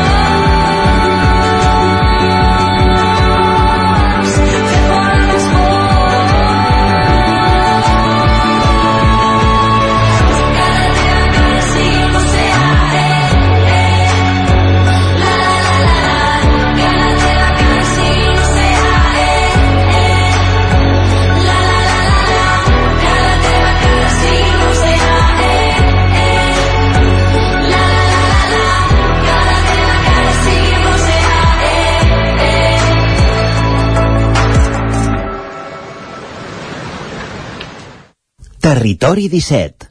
Són les 10 al Territori 17. Territori 17, amb Isaac Moreno i Jordi Sunyer. I aquesta hora és moment de fer un repàs a l'actualitat de les comarques del territori 17, el Ripollès, Osona, el Moianès i el Vallès Oriental. Comencem pel Ripollès. Set Cases podria tenir la segona moció de censura en 5 anys impulsada per exmembres de l'equip de govern d'Esquerra. Isaac Muntades, des de la veu de Sant Joan. Tot apunta que els quatre regidors que estan a l'oposició de set cases estarien estudiant presentar una moció de censura per desbancar l'actual alcaldessa d'Esquerra Republicana de Catalunya, acord municipal Anna Vila. Cal recordar que la Vallesa Republicana governa en solitari des del passat mes de maig. Llavors, els dos tinents d'alcaldia de set cases, Joan Casadevall i Núria Vila, van plegar per desavinences per un malentès entre Vila i Casadevall de com s'havien de fer les reunions de govern. Sigui com sigui, els dos edils van abandonar l'equip de govern i la cartera que ostentaven. Vila pensava que la situació es podria reconduir, però ha estat tot el contrari. L'alcaldessa es queixa que està molt incòmoda amb tota la pressió que hi ha a l'Ajuntament perquè no s'aprova cap acord i no va voler fer més declaracions perquè no és la responsable directa d'allò que pugui passar. La situació és que els dos regidors republicans i els dos socialistes han tingut algunes converses per veure si es poden posar d'acord i consensuar programes de govern. Casa de Vall hauria d'assumir l'alcaldia pel nombre de vots que va rebre a les eleccions, ja que en va obtenir 62, un menys que l'actual alcaldessa i 5 més que l'exalcalde Carlos Fernández. El possible candidat a l'alcaldia va dir que no té intenció de fer mal a ningú, sinó només de millorar les coses. Una moció de censura que presenta tints surrealistes si s'observen els antecedents. Cal recordar que el desembre de l'any 2017, Anna Vila, aleshores amb independents per set cases Progrés Municipal, va desbancar de l'alcaldia el socialista Carlos Fernández de la seva pròpia llista amb una moció de censura, on el principal afectat no hi va assistir tot i creuar-se amb la candidata a l'alcaldia aquell matí de temporal de neu al municipi. Joan Casadevall, que llavors era regidor del PDeCAT, va votar a favor de Vila, que va ser investida amb 3 vots a favor i només un en contra. Aleshores es va dir que la moció de censura s'havia gestat per la postura de l'alcalde amb l'1 d'octubre, però els regidors es van encarregar de desmentir que fos així i van atribuir-ho només a la mala gestió de Fernández i al seu individualisme a l'hora de governar. No deixa de ser curiós que ara Casadevall hagi esgrimit els mateixos arguments per fer fora a Vila i s'alia amb Fernández, a qui va fer fora en el seu moment. Pocs usuaris en el primer llarg cap de setmana de funcionament de les dues línies d'autobús que uneixen Vic amb Collformic i Viladrau i que formen part d'una nova prova pilot per fomentar l'accés en transport públic al Parc Natural del Montseny. Des del parc ho atribueixen sobretot al desconeixement de l'existència del servei.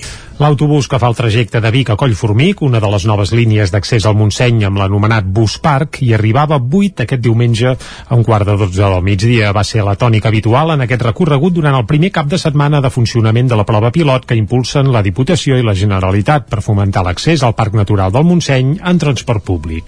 Entre dissabte i diumenge, els busos fins a Collformic no van arribar a la desena d'usuaris. Els aparcaments oficials d'estacionament a Collformic, en canvi, estaven plens, tot i que no es va arribar a la saturació de la zona ni dissabte, ni tampoc diumenge, ni tampoc ahir dimarts.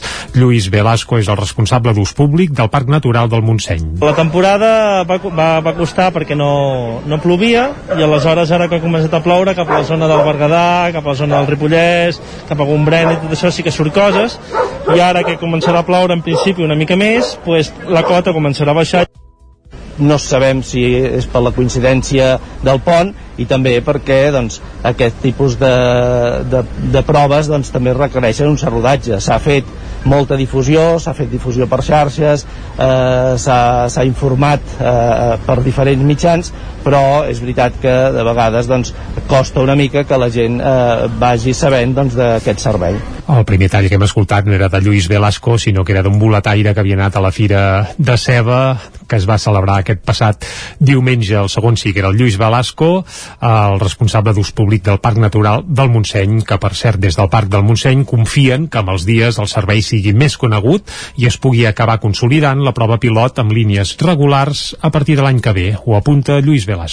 Igual que tenim les altres dues que ja funcionen des de fa 3 anys. I per tant tindríem 5 línies possibles per poder accedir a tota la, a tota la part, eh, a totes les diferents parts del, del parc, doncs poder accedir amb transport públic i a més a més poder fer doncs, eh, activitats d'excursionisme. Les tres noves línies que s'han posat en funcionament amb la prova pilot són la que va de Vic a Collformic per Sant, per Sant Miquel de Balanyà, Ceba i el Brull, la que uneix Vic i Viladrau passant per Tona, Sant Miquel de Balanyà i Ceba i la que va de l'estació ferroviària de Palau Tordera fins al poble del Montseny. Vigues i Riells del FAI destinarà 3.500 euros a subvencionar entitats que es dediquen a la protecció de colònies de gats. Caral Campàs, des d'Ona Codirenca. Des de l'entitat Progat, nascuda fa dos anys, gestionen unes 25 colònies. Aquesta és una d'algunes d'aquestes associacions de la zona que es dediquen a tenir cura i controlar les poblacions de gats ferals. Des de l'entitat expliquen que una de les problemàtiques principals és que es troben que molts dels gats abandonats estan situats en habitatges que havien sigut ocupats anteriorment. El problema n'hi ha diversos. Un dels problemes principals és el tema dels lloguers i l'ocupació que n'hi ha. No? Hi ha gent que ocupa i lloga vivendes i quan marxen deixen els gats a, a les vivendes i ens hem trobat en diversos casos i, i més, el pitjor de tot és que porten microchip i llavors, què passa? Que una gata a, a l'any pot tenir entre dos i quatre camades llavors les colònies felines no acaben i moltes vegades comencen per gats que han sigut prèviament domèstics. Ara l'Ajuntament de Vigues i Riells vol fomentar el control de les colònies de gats per tal d'evitar el creixement i promoure la identificació d'aquestes colònies. Per això el consistori destinarà un màxim de 3.500 euros del pressupost municipal a una subvenció que es destinarà precisament a això, al desenvolupament de les tasques de control i gestió de colònies de gats urbans. Jesús Cano és regidor de Medi Ambient. evitar que les colònies creixin i això doncs, implica uns costos en, en capturar aquests gats, esterilitzar-los, llavors tornar-los en el seu en el seu hàbitat, que, que al final no deixen de ser gats ferals, no són no és allò, és un gatito, l'agafo i, oi, que bonic, i la... no, són gats ferals, per tant, silvestrats, doncs que tenen un difícil encaix en el que seria una, un habitatge domèstic i llavors doncs ells estan duent aquí una tasca doncs, realment envejable. Des de Progat expliquen que ara estan molt millor que fa dos anys, ja que la policia local també s'ha involucrat en el procés d'identificació i gestió d'aquestes poblacions. Gràcies, Caral. La Generalitat ha decomissat 22 animals, entre cavalls, mules i burros, a un tractant d'Osona pel mal estat en què els tenia. L'actuació es va fer divendres passat després que la Fundació per a l'Assessorament i Acció en Defensa dels Animals, la FADA, denunciés el cas al Departament d'Acció Climàtica i als agents rurals. L'home era propietari de més animals, en un total de 5 explotacions a Santa Eulàlia de Riu Primer, Malla i també a Santa Eugènia de Berga. Segons la FADA, tot indica que el tractant es dedicava a comprar bestiar vell i amb lesions doncs, que ja no servia per a les hípiques. Després l'engreixava i el portava a l'escorxador. Des de la Fundació expliquen que ja hi havia hagut actuacions prèvies i que dels animals comissats anteriorment, dues eugues ja s'havien hagut de sacrificar. En una altra de les intervencions s'hauria descobert que un dels cavalls havia mort. Des de l'entitat consideren que s'atribuirà a l'home un delicte de maltractament animal, a més de diverses irregularitats. Tres emprenedors d'Osona aposten pel cultiu de pistatxo a la comarca. La plantació ocuparà una mica més d'una hectàrea i es farà en un terreny en terme municipal de Balanyà. El pistatxo a Catalunya és un fruit tan apreciat en l'àmbit dels aperitius com desconegut pel que fa als orígens i producció. De fet, a escala mundial hi ha dos grans referents, l'Iran i la zona de Califòrnia, als Estats Units, on fa molts anys que es cultiva aquest arbre. Qui fa aquesta anàlisi del sector és Marc Molist, un dels tres socis, juntament amb Germán Torres i Esteban Pires, de Moles en Nats, un projecte projecte usonenc que aposta pel cultiu del pistatxo a Catalunya. L'empresa, constituïda el 2018 per tres amics que es van conèixer al sector químic, ja té una plantació de pistatxers a les Borges Blanques, que es troba en el seu segon any. I és que la inversió en el sector dels festucs vol paciència i estratègia. Un cop plantat, l'arbre no es considera productiu fins al cinquè any de vida i arriba al màxim rendiment a partir del vuitè any. A l'estat espanyol s'aposta per aquest cultiu des de fa pocs anys, sobretot a la Castella i la Manxa i algun racó de la zona de Lleida. I tota la producció que hi ha ara mateix a l'estat espanyol no cobreix ni la meitat de la demanda. Després d'engegar el projecte a les Borges Blanques, ara aquests tres emprenedors volen provar si el cultiu de pistatxo també s'adapta bé a un clima i a un terreny com el d'Osona, un fet que els facilitaria la logística i estar més a prop del seu lloc de residència. Per aquesta, per aquesta prova pilot han arrendat un camp d'una mica més d'una hectàrea al terme municipal de Balanyà, situat en una petita de terrassa als peus del Roc Gros. Aquesta primera prova es farà plantant uns 400 arbres i amb una singularitat, ja que es combinarà el cultiu amb la instal·lació de plaques fotovoltaiques perquè l'explotació sigui autosuficient. Si tot va sobre el calendari previst, d'aquí a uns 5 anys ja es podran començar a recollir els primers festucs usonencs. Aprofundirem amb aquesta notícia sobre els festucs a la taula de redacció amb en Guillem Freixa. Ara més qüestions. No marxem de Balanyà i és que Max Vilarrasa, un veí de Balanyà de 12 anys, és un dels intèrprets de Billy Elliot, el musical que es va estrenar el dissabte passat a Barcelona. Billy Elliot, el musical, és una de les grans produccions de la temporada teatral a Barcelona i Max Vilarrasa és un dels cinc joveníssims actors i ballarins que s'alternaran en el paper de protagonista, el d'en Billy, un nen que perseguia un somni, ser ballarí. La història ha commogut mig món des que l'any 2000 es va estrenar la pel·lícula. Vilarrasa, de 12 anys i veí dels Hostalets de Balanyà, arriba a aquesta superproducció sense cap experiència prèvia en, el, prèvia en el món del teatre i dels musicals, però amb un talent que està resultant innat. Fa 3 anys anys, quan encara en tenia 9, una seva amiga, vaja, una amiga de la seva mare, els va fer saber de la convocatòria d'un càsting per portar el musical de Billy Elliot, que estava triomfant a Madrid, cap a Barcelona. En Max, que sempre havia ballat, s'hi va presentar i va acabar sent un dels cinc escollits per encarnar Billy Elliot. A partir d'aleshores l'esperava el més dur, dos anys i mig de preparació a l'escola Billy Coco Comín, creada per a l'ocasió el març del 2019 i que va estar aturada uns mesos per la pandèmia. I allà Max hi, està, hi treballava al costat dels altres 60 intèrprets infantils que participen en el muntatge. Vilarrasa reconeix que tot el que ha viscut fins ara i el que l'esperen els propers mesos de representacions no és una vida normal per a un noi de la seva edat, però tampoc no perd el nord i fins ara ho ha compaginat amb els estudis. Aquest curs ha començat primer d'ESO a l'Institut Escola Carles Capdevila. Admet que després d'aquesta experiència li agradaria continuar explorant el món del teatre musical i la dansa. De moment, des de dissabte passat, és Billy Elliot, al Teatre Victòria, de Barcelona. I a Cardedeu s'ha iniciat el cicle Jazz de Xoc amb els dos primers concerts, un festival on es marida la xocolata i la música jazz per commemorar el 50 aniversari de les nits amb jazz a Cardedeu. Núria Lázaro, des de Ràdio Televisió de Cardedeu. Concerts a espais singulars de Cardedeu maridant la xocolata i la música jazz. Aquesta és la proposta de Jazz de Xoc que ha començat aquest cap de setmana. Per aquesta ocasió, l'espai singular ha estat la Casa Viader amb el concert a càrrec del grup Efímer. La pastisseria Sant Lleí va ser l'encarregada d'afegir-hi el toc gastronòmic. Jazz de Xoc és una proposta que va sorgir de converses entre els organitzadors de nits de jazz amb l'entitat ISOM, entitat responsable de la pastisseria Xòcala, que té un obrador social. Es va proposar fer un festival que maridés els dolços amb la música i la commemoració del 50 aniversari de Nits de Jazz va ser l'ocasió perfecta per donar lloc a aquesta idea. Roger Canals, organitzador de Jazz de Xoc. Es trobarà eh, tres ingredients. Es trobarà doncs, amb un paratge singular, emblemàtic, en aquest cas avui és la Casa Viader, i en altres dies que són coses són llocs públics que ja es coneixen, però són llocs unieta per unieta doncs, a ostentar aquest noucentisme i modernisme que tenim aquí a casa, i espais així singulars. Um, llavors es trobarà un concert de jazz on hi ha una pastisseria que posarà un dolç també creatiu amb la proposta que s'està proposant. A més a més, doncs, hi ha tota una colla de voluntaris de la gent de Viver de Belllloc i d'Isom que, que també doncs Unieta hem volgut incloure d'una manera com molt, molt visible doncs tot el tema doncs, de la inclusió i la normalització de la gent amb diversitat. A part d'un tas de xocolata, Jazz de Xoc consta també de la presència de la cerveseria Sant Jordi, qui també col·labora en la proposta. Els dos concerts celebrats aquest passat cap de setmana han tingut molt bona acollida entre el públic de Cardedeu, obtenint un sold out la primera nit. Els següents concerts dins del Festival de Jazz de Xoc seran el 23 d'octubre a la Casa Corbella i el 24 a Vilapaquita. Gràcies, Núria. Acabem aquest repàs informatiu aquí. Tot seguit l'entrevista.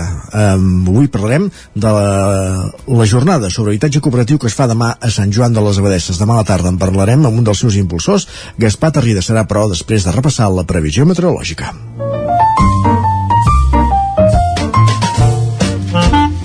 Casa Terradellos us ofereix el temps. I per saber el temps que ens espera per a les properes hores, saludarem de nou en Pep Acosta. Pep, molt bon dia.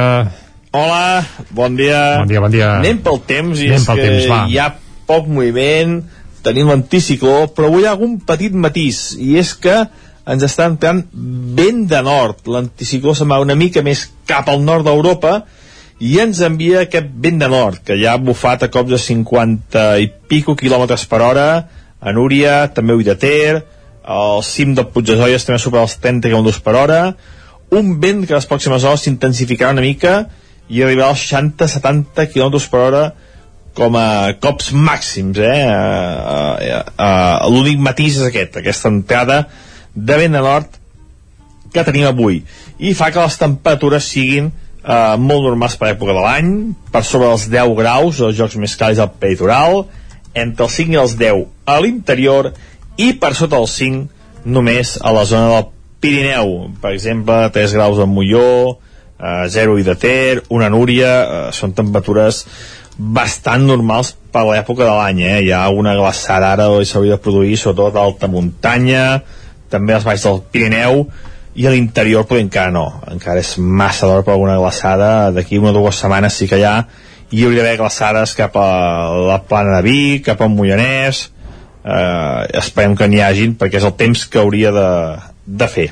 I el dia d'avui, com deia això mm, aquesta petita entrada vent de nord però continuem amb l'anticicló l'anticicló aquest centre europeu important eh, molt extens eh, molt ferm i que és el que dominarà el panorama meteorològic els pròxims dies avui molts pocs núvols alguna petita boira ara al matí poca cosa i de cara a la tarda poden créixer quatre núvols cap al Pirineu, transversal, guilleries insignificants. No seran cap, en cap cas precipitació ni molt menys ni una gota, impossible. I unes temperatures al migdia força suaus potser una mica més baixes que aquests dies de festa Uh, però bueno, al migdia seran de màniga de camisa entre els 18 i els 23 graus la majoria de màximes. No, no fa fred ni bon tros al migdia. I ja està, això és tot. A disfrutar de, del dia d'avui d'aquest dimecres, que ja som dimecres que ahir, ahir semblava que fossin diumenge però no, era, érem dimarts i avui som dimecres a disfrutar d'aquests dies a disfrutar d'aquesta setmana Igualment. curta que ja es va, es va acabant moltes gràcies i fins demà adeu Tots els dilluns vinguessin només tre- dos dies més de laborals abans del cap de setmana. Eh? Seria divertit, sí, sí, ja hi fitxaríem. Vinga, va, gràcies Pep, gràcies. Eh, continuem al territori 17. Ben bé. Casa Tarradellas us ha ofert aquest espai. Territori 17. Envia'ns les teves notes de veu per WhatsApp al 646 079 023. 646 079 023. WhatsApp Territori 17.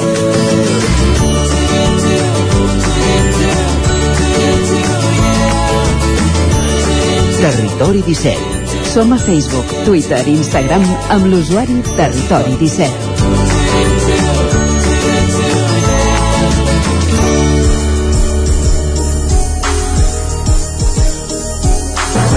Passen dos minuts i mig d'un quart d'onze del matí al Territori 17. En abordem ara l'entrevista. La xarxa d'Economia Solidària del Ripollès, l'Ajuntament de Sant Joan de les Abadesses i la Fundació La Dinamo, amb el suport de la Diputació de Girona, han organitzat una jornada per explicar què és l'habitatge cooperatiu en sessió d'ús per aquest dijous a les 6 de la tarda a la sala de plens de l'Ajuntament de Sant Joan. Isaac Muntades.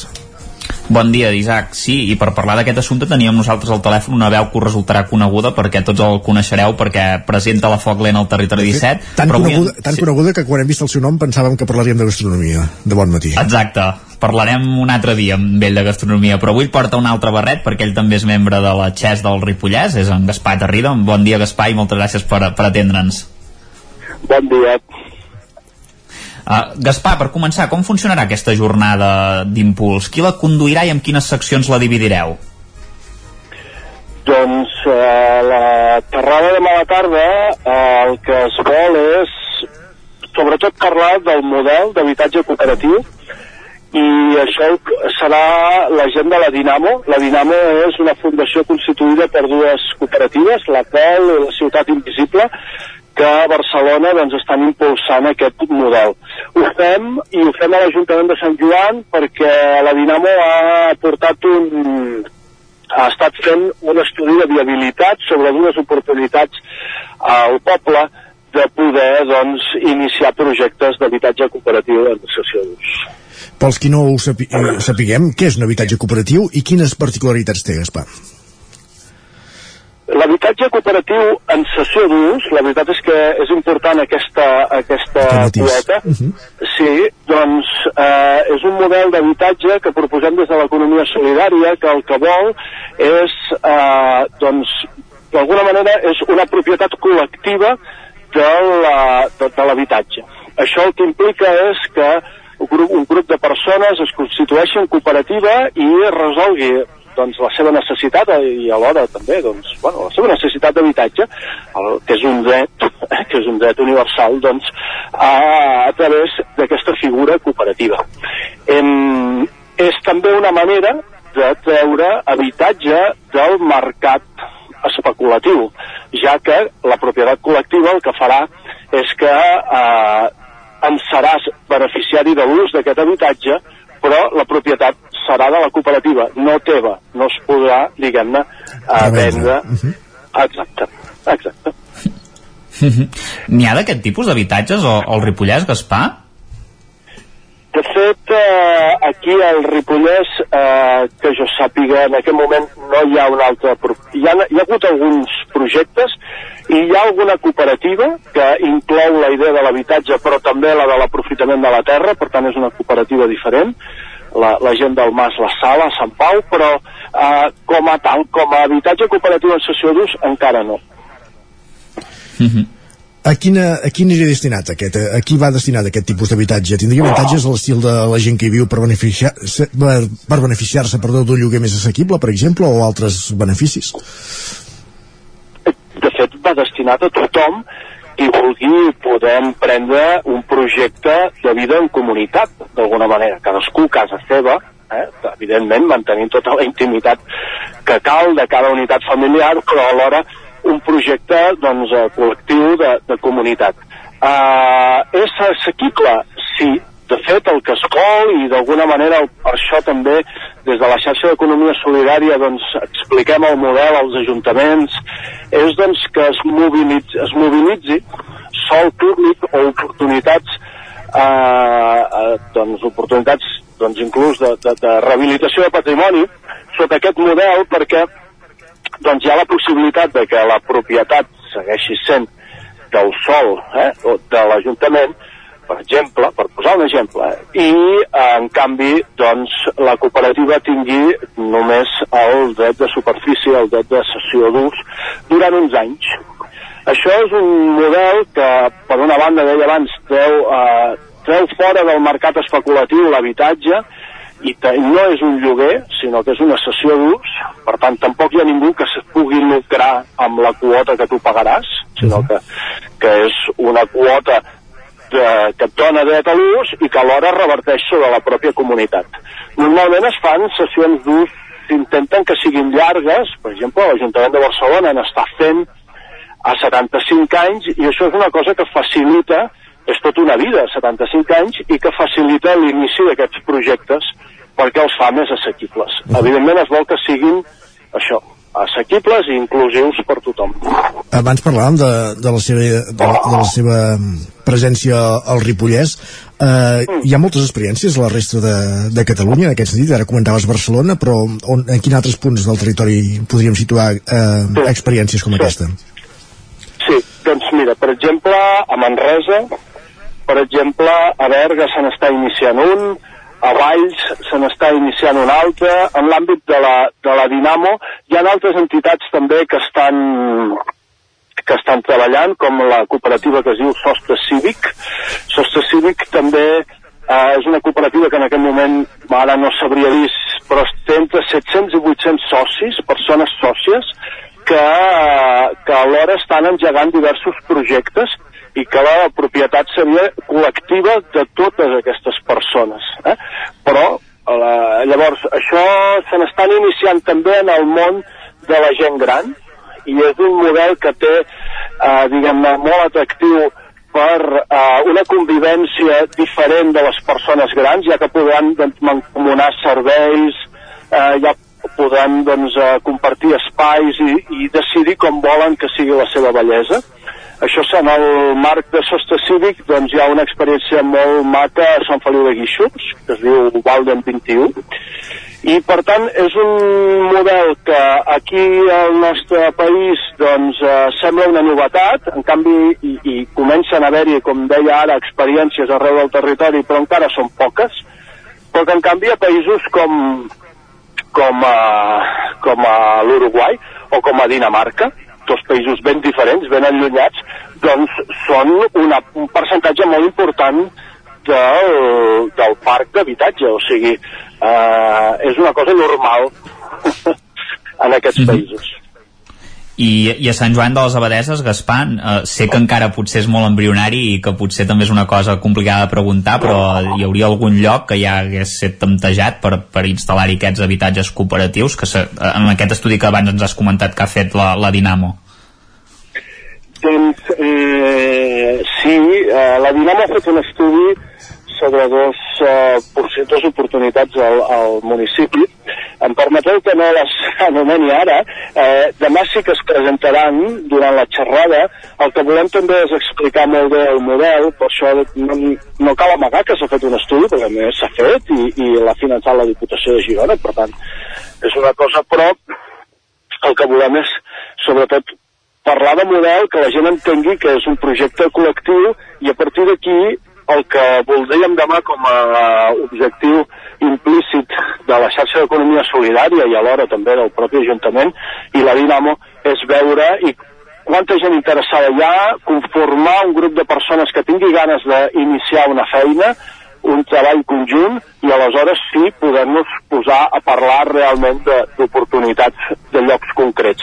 Sense el grup de persones, aquestes oportunitats eh, no tenen sentit. I, I volem també, sobretot, explicar el model perquè som un país en el que el nostre concepte de l'habitatge va molt lligat a la propietat individual i, per tant, no volem generar equívocs eh, abans d'hora. Uh, tenim encara un minut, en, en 20 segons, Gaspar, si ens pots dir ràpidament uh, amb quin calendari treballeu per, per que sigui una realitat el projecte? De fet, el que volem és eh, presentar-lo demà, iniciar-ho i una mica eh, ho marcarà la pròpia gent i el propi grup promotor que es vagi formant. El que volem és poder fer una propera trobada molt aviat. Perfecte, doncs moltíssimes gràcies. Continuem parlant d'aquest projecte d'habitatge cooperatiu a Sant Joan de les Abadesses. Demà a les 6 de la tarda, aquesta jornada informativa a la sala de plens de l'Ajuntament de Sant Joan. Gràcies, Gaspar Tarrida, per seguir amb nosaltres al Territori 17. Gràcies a vosaltres. Bon dia. Gràcies, Isaac, també un dia més per compartir aquesta entrevista. Fem una petita pausa ara al Territori 17 i tornem de seguida amb més qüestions. Primer, les pilulades. El nou FM, la ràdio de casa, al 92.8. Cobertes serveis funeraris. Els nostres tanatoris estan ubicats en els nuclis urbans més poblats de la comarca d'Osona per oferir un millor servei. Tanatori de Vic, Tanatori de Manlleu, Tanatori de Centelles i Tanatori de Roda de Ter. Sabem que són moments difícils i per això el nostre compromís és atendre-us en tot moment amb un tracte humà, sensible i respectuós. Cobertes serveis funeraris. Telèfon 24 hores 93 883 23 46. El 23 i 24 d'octubre la castanya torna a ser protagonista de Viladrau. Arriba la 26a Fira de la Castanya, una mostra única i sorprenent al voltant de la castanya, la tardor i el territori. Podràs gaudir d'espectacles familiars, cultura popular o tallers i endinsar-te al bosc per descobrir l'espectacular tardor del Montseny amb les visites guiades per veure els castanyers. I si tens gana, apunta de la degustació de tapes amb els restaurants de Viladrau. Aquest any estrenem connexions amb bus per pujar a la fira amb transport públic. El 23 i 24 d'octubre, Fira de la Castanya de Viladrau. Consulta totes les activitats a viladrau.cat. Vols noves sensacions en un ambient dels anys 80? Vine al restaurant 80 Spirit Peak. Emocions i bon menjar. Costelles amb salsa de barbacoa, 8 tipus d'amanides, hamburgueses 100% de carn de vedella, carn a la brasa, pollastre, plats combinats, varietat en tapes, hamburgueses per a vegans i vegetarians... Disposem de terrassa amb un ambient acollidor. Descomptes especials per a universitaris. 80 Spirit Peak. Ens trobaràs a la plaça de la Pietat 2 de Vic. Reserves al 93 679 44 43. Mudances a la carta. Som especialistes en muntatge i desmuntatge de mobles. Oferim servei de guardamobles i fem mudances a tot el territori. Trasllats de pianos i peces delicades i també fem embalatge i protegim. Mudances a la carta. Serveis adaptats a cada client. Ens trobaràs al telèfon 605 04 34 75. Cocodril Club. Si t'agrada la bona música dels anys 60, 70 i 80, escolta el 9 FM els matins de dissabtes i diumenges d'11 a 1. És el temps del Cocodril Club, tot un clàssic de la ràdio, amb les bases del pop-rock, les llegendes, les cançons que s'han convertit en autèntics himnes. Recorda, dissabtes i diumenges al matí, d'11 a 1, al 9 FM 92.8. Cocodril Club, el programa revival de l'Albert Malla. Hasta luego, cocodrilo. Anuncia't al 9FM. La màquina de casa. 9 3 8 8 9 4 9 4 9. Publicitat arroba al 9FM.cat. Anuncia't al 9FM. La publicitat més eficaç.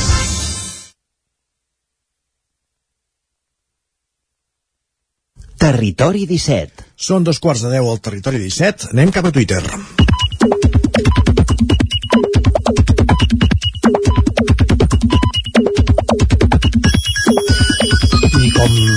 Sempre, Isaac, a Twitter no hi anem pas sols i sempre en punt, eh? A dos quarts en punt, tot i que a vegades els senyals horaris ens juguin una mala passada i no acabin d'anar a to. Uh, Guillem Sánchez, molt bon dia.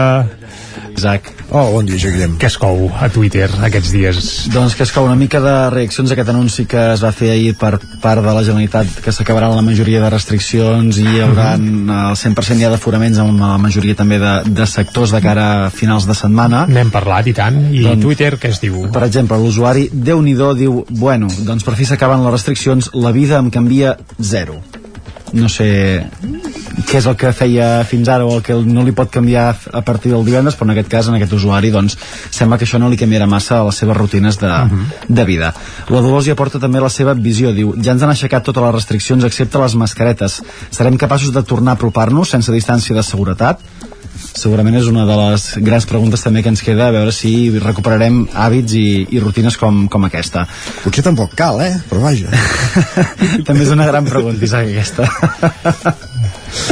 Jordi, fas una cara que, com si volguessis aportar alguna reflexió Sí, també. però és que a vegades m'haig de mossegar la, la llengua i prefereixo fer-ho, però, però bé, sí, sí, no, jo sóc dels que espero que s'acabi el tema de la mascareta i com més aviat possible, però no només per arrambar el personal, sinó per altres qüestions que no entrarem a detallar. Perfecte. Seguim, seguim. Un dels àmbits on de moment sembla que no hi haurà massa canvis segons l'anunci fet ahir és en l'àmbit eh, de les escoles, de l'educació, per això la Montse es pregunta i a les escoles què? Quan acabaran els grups bom- bombolla i la resta de, de restriccions perquè els infants són ciutadans de tercera i en aquest sentit la Ruth també afegeix que trist que ja ningú recorda que les escoles continuem amb els grups bom- bombolla, mascareta, higiene de mans compulsiva, sortides esglaonades i reunions telemàtiques a veure si sortim de la pandèmia i s'obliden també de la canalla. Doncs bé, m'afegeixo a aquest clam, va. I l'última reflexió l'última reflexió en aquest sentit la porta en Juan Francisco que diu molt bé, fora restriccions i llavors els funcionaris que teletreballen aniran als seus llocs de treball i els metges de la Seguretat Social també perquè tots estem treballant presencialment i la part administrativa encara no és presencial això si més no és l'opinió d'aquest usuari Mhm. que sembla que reclama una mica més d'atenció física eh, per part de l'administració Molt bé. déu nhi Va, canviem de tema. Canviem de tema i ho fem per... altre Sí, tuit per posar-nos en l'àmbit dels transports. No sé si ahir vau aprofitar per anar amb el, amb, a, a algun lloc a gaudir Sí, d'aquest 12 de... en transport particular. Transport particular. Jo també, jo també. Però és que clar, és que des de casa meu el transport públic, diguem que és pràcticament inexistent, eh? Però... Doncs en aquest àmbit, en Francesc es pregunta ahir vaig posar gasoil al cotxe i el vaig pagar a 1,41 al litre, un autèntic escàndol. Avui al mateix lloc ja va a 1,44. Aquest ritme a finals d'any engegar el cotxe serà un autèntic lux, luxe, però tot anirà bé. Sí, que això últim. Eh, sí, el, el, evidentment el preu, clar, hi ha gent que diu, no, no, jo sempre hi poso 30 euros. Dic, no, no, Sí, jo clar. també sóc d'aquests, però clar, és que Però abans em donava una menys. setmana i ara l'haig d'omplir tres cops a la setmana el dipòsit. Sí, Correcte. S'ha notat i molt. En eh, l'àmbit del cotxe, en Pau vol aprofitar per donar les gràcies també mitjançant les xarxes socials. Diu, encara queden bons ciutadans del món gràcies a qui va tornar aquesta clau a la policia local de Sant Feliu de Codines i adjunta una fotografia amb la que entenem que és la seva clau del cotxe. Això sí que és un problema realment, Mhm. si perds una clau del cotxe i se n'ha de fer una, una còpia, per tant, també ens sumem a l'agraïment que, que ha fet en Pau a través A de... Sant Feliu de Codines hi ha molt bona Hi ha gent molt bona i ens donem fe. Exacte. I mentrestant a Rodalies les coses no canvien. En Marc diu un altre dia en què l'aplicació de Rodalies promet trens que no existeixen, les pantalles de les estacions diuen coses i l'aplicació d'altres. Aquí fer cas és un misteri. Només hi faltaria afegir l'etiqueta és igual quan llegeixis això. Bé, almenys aquesta setmana no hi ha vagues a Rodalies. Qui no consola és perquè no vol. Encara pot sortir alguna altra cosa, Jordi. I aquest dimarts en Jordi precisament va anar a fer una volta per Bellmunt i li va passar una cosa que ha volgut compartir amb la resta d'usuaris de Twitter. Diu, avui accidentada volta fins a Bellmunt amb caiguda sobre el genoll i més tard ortigada important, però el que més mal m'ha fet ha estat quan baixava saltironejant sobre les pedres de les dreceres i un home m'ha preguntat si el camí era recte o per on ha baixat vostè i diu en majúscules vostè suposo que no li deu Ah, haver agradat el- el sí, jo primer he pensat que eh, no li agradava el fet de demanar-li si el camí era aquest o l'altre, però llavors jo entenc que feia referència amb el vostè que no li deu, fet, no li deu haver fet gaire gràcia que li, que li diguin això. No, no, I de fet, rectes per pujar a Bellmunt poques n'hi ha també, eh? I plans també. I plans tampoc. Sí, sí, fa pujada. I com que ahir no vam poder fer secció del programa i no vam poder comentar a l'esperat últim capítol Home. dels crims de la Guàrdia Urbana, hem d'aprofitar avui per tancar Quin aquesta festival. secció i aquest, aquest mes de, de, de crims. La Marta diu resoldre el cas està bé, però jo necessito que li preguntin a la Rosa per què va comprar 50 testos d'embaràs. En Joey fa una Els petició... compres 50 amb 50, carai. A mi el que em va sorprendre més és que en Vals del Cap Bravo volgués anar a Port Aventura el cap de setmana següent de, de, bé, és que allò, surrealista surrealista. Sí, sí. En Joey fa una petició a l'equip de crims, els hi demana ojalà un spin-off amb el fiscal i el millor mosso de tots, per tenir com a mínim un cinquè, un sisè i un setè capítol de la, Potser de la no cal, sèrie. no cal estirar més el xiclet, eh? I acabarem amb aquesta reflexió de l'Andreu que diu un fiscal que cita les tortugues ninja al mig d'un judici ha de ser un bon paio i un bon professional per força. Molt bé. Val a dir-ho, sí. Val a dir-ho. Repassem portades, Jordi, gràcies. Moltes Guillem. gràcies. Anem a les portades del 99.cat. Ara mateix el Vallès Oriental obre explicant que la pandèmia fa caure un 12% la renda familiar bruta al Vallès Oriental, això amb dades de l'any passat. També que un motorista veí de Caldes de Montbui mor en un accident en una, en una pista forestal a Osona, va ser a Muntanyola, ho hem explicat aquí a Territori 17, i que també un home mor a Gualba en precipitar-se des d'una alçada de 50 metres. déu nhi els successos d'aquests darrers dies al Vallès. Anem a la portada del 9-9 d'Osona i el Ripollès, cobra amb una entrevista Uh, crec que és l'alcalde de Sant Martí del Bars, el Ramon Pedrós, en Sí, Guillem Freixa, que ja el tenim aquí, president del Consorci de Lluçanès. que és qui va fer l'entrevista, diu que sí, i el titular és que el sentiment de la comarca del Lluçanès hi és, però el, tam, el tràmit de fer-ho realitat està al congelador, és a dir, que el Lluçanès és comarca, sí, però per ser-ho administrativament i legalment sembla que a curt termini això no passarà pas. Com a la ràpida, vaja. Bé, o vés a saber. Més coses. Uh, cuina de Mollà a l'aparador, aquell cuiner de Mollà finalista a uns premis Oh. del qual ja en vam parlar la setmana passada. El cuiner de l'any. sí. Correcte. I localitzen sense vida l'home desaparegut a Lluçà. També ens n'hem fet ressò avui aquí a Territori 17. Doncs gràcies, Jordi. Acabem res. aquest repàs digital. Entrem a la taula de redacció.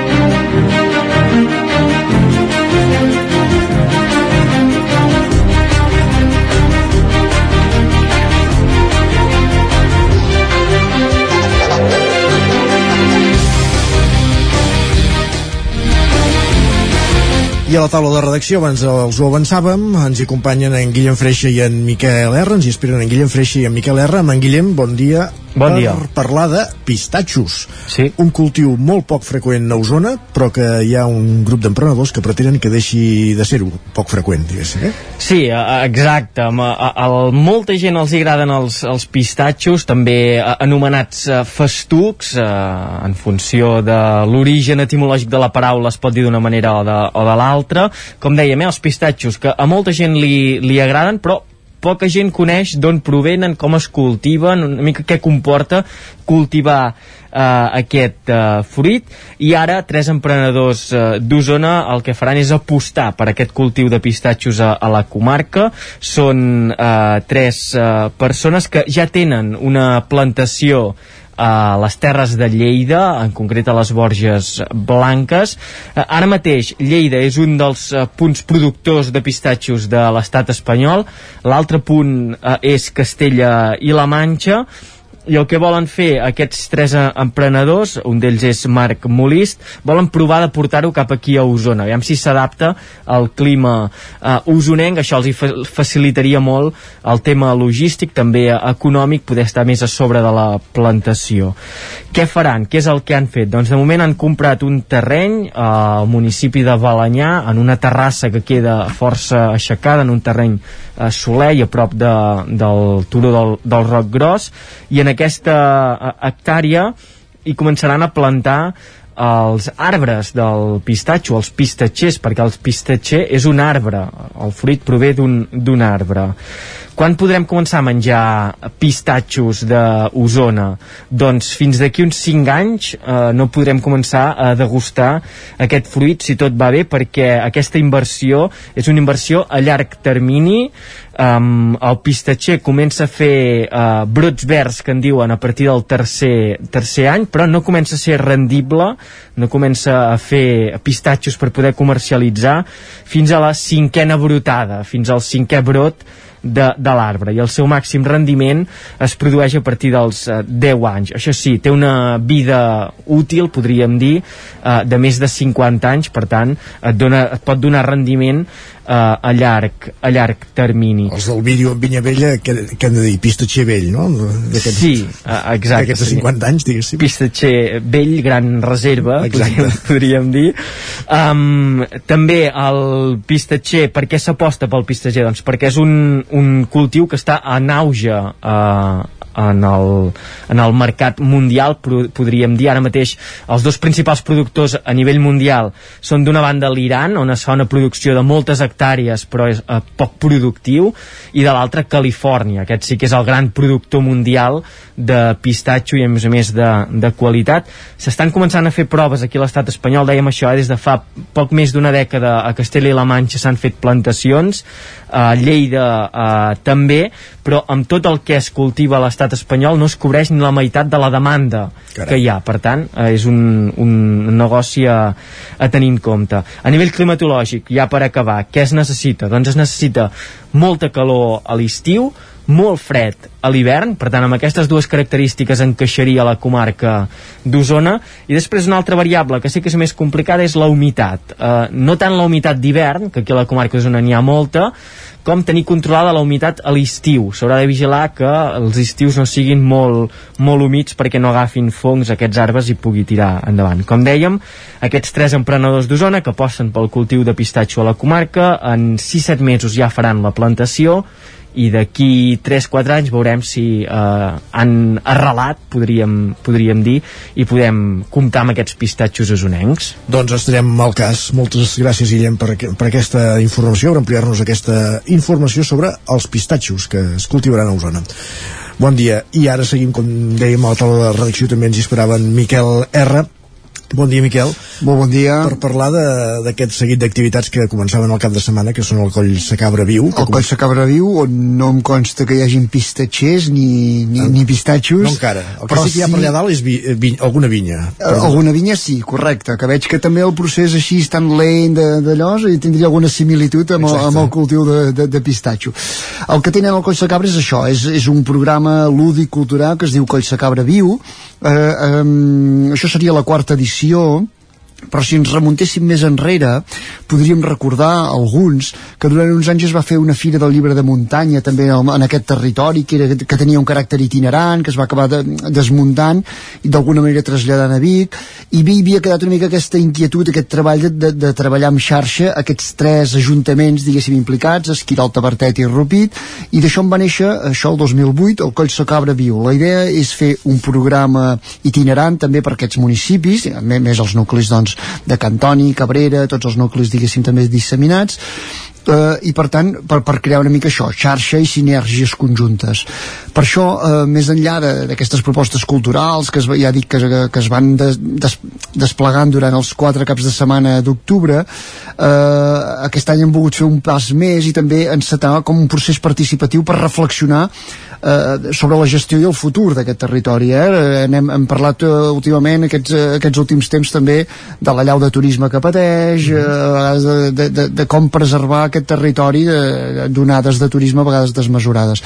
Doncs això serà un procés participatiu que arrenca ara, arrencarà el proper dia 23 eh, a l'Esquirol, però l'objectiu és que és deixar-ho com un procés obert i per tant es aniran creant grups amb un procés que, que anirà continuant uh, ja dic, més enllà d'aquest debat que, que intentaran sortir també propostes concretes no? per, per com avançar de forma conjunta hi han uh, això que diem propostes culturals durant cada cap de setmana per animar una mica el territori va començar aquest cap de setmana passat amb, amb, amb, amb Rupit sobretot bàsicament centrat en Rupit amb propostes com, com la possibilitat de pujar al campanar que és una, una proposta molt recent que es va rehabilitar just abans de la pandèmia havia, havia quedat tancat i ara des d'aquest estiu ja s'obre uh -huh. ja s'obre visites, per tant va ser un, un dels plats forts d'aquest cap de setmana i continuarà aquest, aquest cap de setmana també amb altres propostes, en parlarem més si, eh, si convé el divendres però podríem destacar eh, la, la Fira de Bolet, també que torna de Cantoni Gros, o la plec modernista d'Osona, aquesta trobada eh, de, de scooters i música modernista, que tindrà lloc a l'Esquirol també eh, entre divendres i diumenge. Per tant, ja ho veieu, propostes de reflexió, propostes culturals, propostes lúdiques, per dinamitzar el territori, però per fer-ho eh, d'una manera que ara en parlem no, que diem sempre una manera sostenible d'una manera equilibrada, una manera pausada per, per, per acollir un tipus de turisme eh, això que ara està tan de moda de l'eslou no? un, un turisme més slow, més, sí. més tranquil. Eh, veurem cap a on avança, la, ja dic, la, els alcaldes ja estan posant molt, molt ímpetu i molt, molt entusiasme, veurem cap a, cap a on si podem anar parlant més endavant. Perfecte, doncs moltíssimes gràcies Miquel també per ser avui aquí amb nosaltres. Acabem la taula de redacció, continuem al Territori 17 amb més qüestions. Tot seguit parlem de llibres amb l'escriptora calderina Mercè Jorba.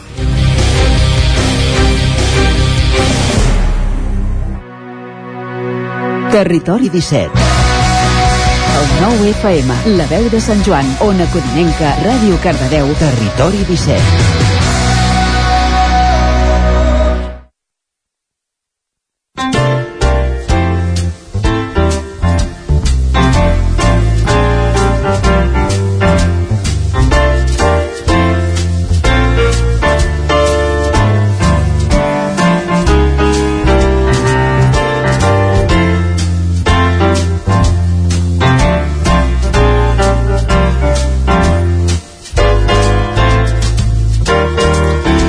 Avui, com dèiem al Lletra Ferits, anem cap a una codinenca per parlar amb una escriptora calderina.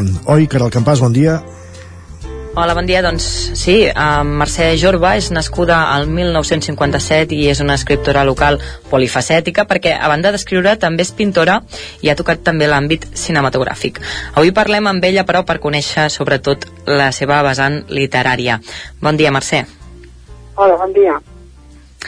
Eh, filla de Barcelona, però vius a Caldes de Montbui des de l'any 1991, si no m'equivoco, administrativa de professió, però et dediques al teu, al teu temps lliure a la pintura i a l'escriptura. Uh, com va començar la teva afició per escriure?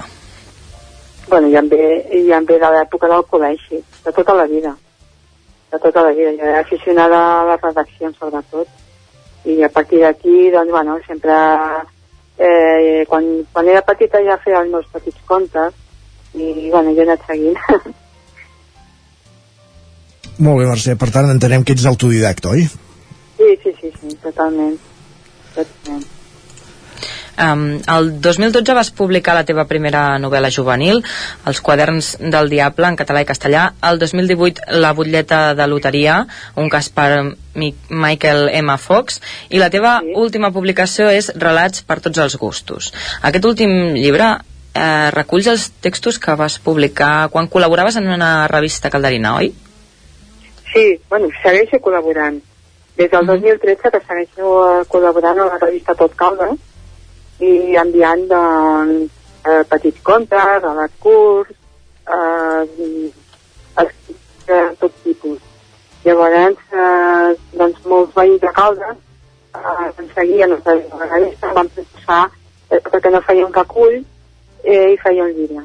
Llavors doncs, vaig pensar, doncs, doncs provem-ho. I, I sí, sí, llavors eh, vaig fer, eh, vaig anar recopilant tot, de, a tot el que havia anat enviant, eh, més que res contes, i relats curts, i contes, i, bueno, i va sorgir aquest llibre, aquest, un recull de 80 relats. Uh -huh.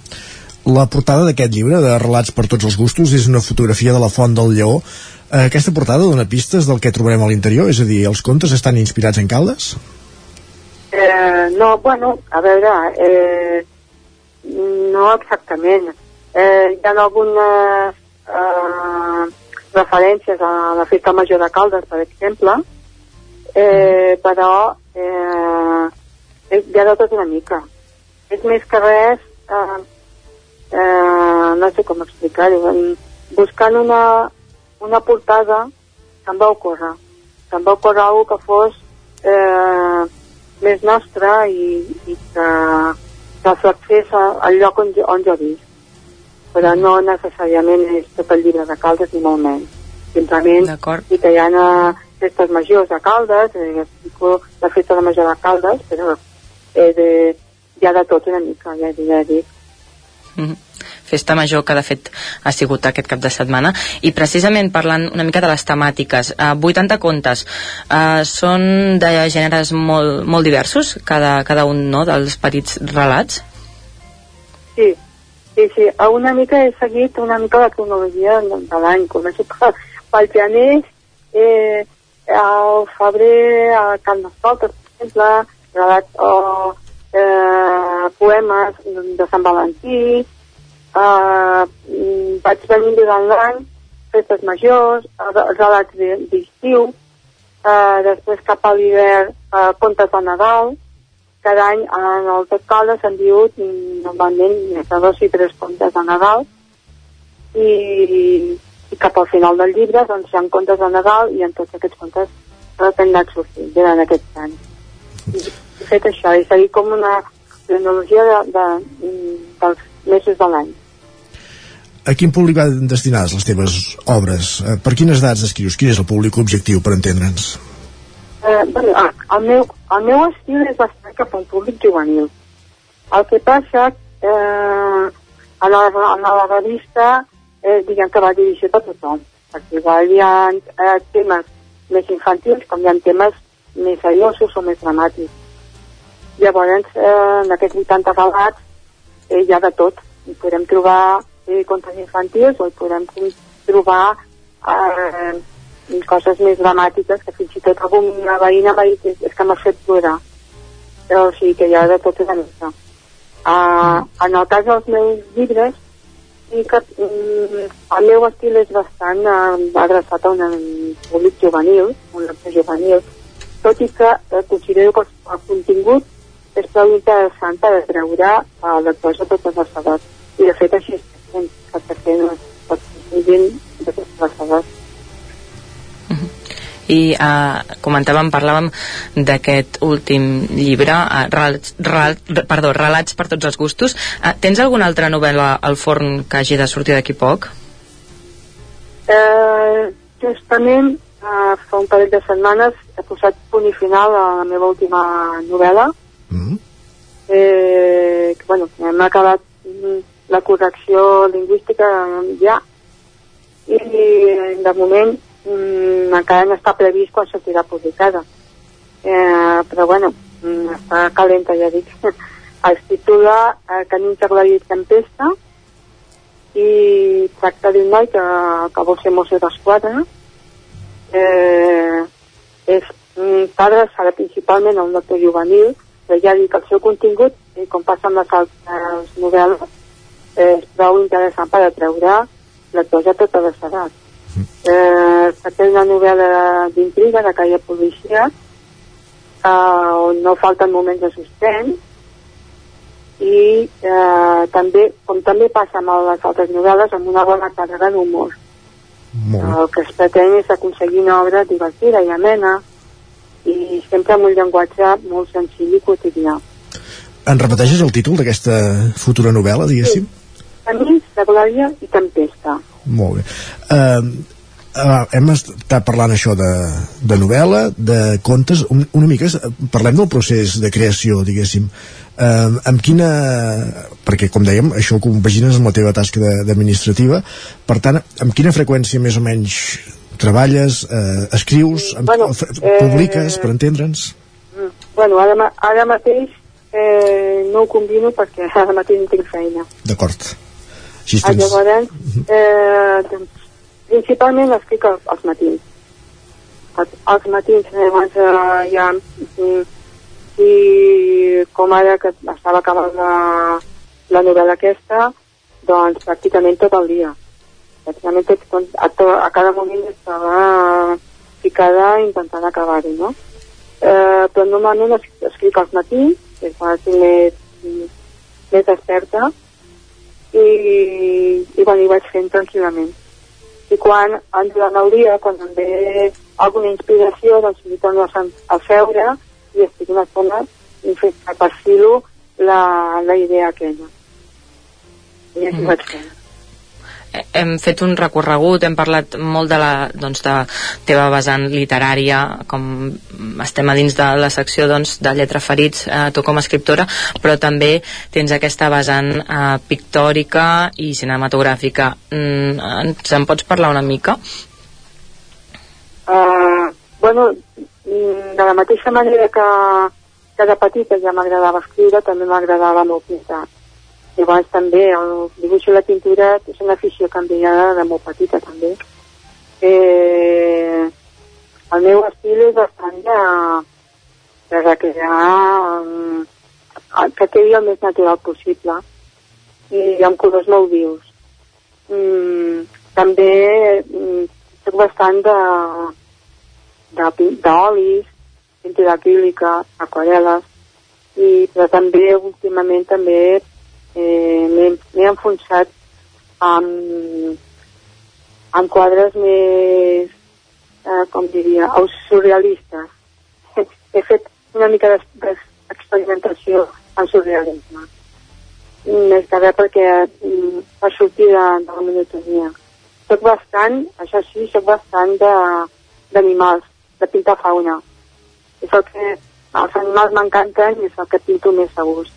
Tot i que també tinc molts paisatges i, i quadres d'altres tipus. Eh, bueno, no sé, he fet, eh, des de jovenet he fet alguna exposició i bueno, a Ricaldes també he fet algunes exposicions de, de les meves obres. La Caral ens parlava també de- d'una part d'obra cinematogràfica en aquest aspecte per, per no et mous, diguéssim. I, bueno, eh, vaig fer un curtmetratge, em vaig atrevir amb un curtmetratge. Eh, us explico una mica. Venia, eh, la idea va sorgir de l'escola d'adults, altres de Montbui, Uh -huh. eh, on jo vaig a classes d'anglès, i van voler fer com una, un curs d'experimentació eh, que no s'havia fet mai, un curs de, de cinema. Llavors, doncs, eh, el curs era des de que eh, el guió, el guió passant per eh, inventar-te els decorats, inventar-te els personatges, eh, tot el muntatge de la pel·lícula, mm, buscar actors per, per fer realitat aquest guió, per posar-lo en l'escena, doncs buscar actors, buscar llocs on, on gravar. Eh, bueno, eh, érem quatre alumnes només i un sempre ens els altres. Quan un gravava, doncs els altres, eh, un feia la maqueta, l'altre portava el so, i ens anàvem, entre nosaltres ens ho vam fer tot, amb la col·laboració professor de l'escola. Una... Llavors, D'aquests uh, quatre uh, curtmetratges, un d'ells és el meu. Molt bé. Es titula, es titulava la, ah, perdó, una mica l'hostal Bona Vida. Perfecte. Una producció coral, sense, sens dubte. Mercè Jorba, hem començat parlant de literatura i hem acabat parlant de, també de, de pintura i de, i de cinema. Multis, eh, com, de, com dèiem, una, una artista pol- polifacètica. Um, L'excusa era parlar d'aquest eh, nou relat, aquest llibre de, de relats que, que ha vist la, la llum recentment, com dèiem. Uh, però també hem pogut descobrir doncs, que ja tens eh, el calaix a punt de publicar una, una nova novel·la, aquest Camins de Glòria i Tempesta. Moltíssimes gràcies per ser avui amb nosaltres i, i molta sort. Gràcies, moltes gràcies a vosaltres. Em sento molt afalagada que hagueu pensat en mi, que m'hagueu trucat, m'heu convidat a participar. Doncs ja ho sabeu, cada setmana tenim una cita amb els llibres. Gràcies, Mercè. Bon dia. Gràcies a vosaltres. Bon dia. I gràcies, Caral, també, per portar-nos doncs, aquesta secció avui des, des d'Ona Codinenca, aquest espai setmanal dedicat als llibres del Lletra Ferits i avui dedicat a, a la Mercè Jorra. Fins ara, Caral, gràcies. Fins ara. I nosaltres que arribarem al punt de les 11. A les 11 farem un repàs informatiu, com cada dia. D'això, per això falta encara un minut i escaig. I després serà el moment del territori sostenible amb en Jordi Givert. Avui, com dèiem, parlant de vins. Passarem per la R3 per saber quina és l'actualitat de la línia de tren i acabarem el programa fent un repàs a l'agenda d'actes, l'agenda cultural pels propers dies als nostres territoris, a les nostres comarques, les comarques del Ripollès, Osona, el Moianès i el Vallès Oriental. Fins ara mateix.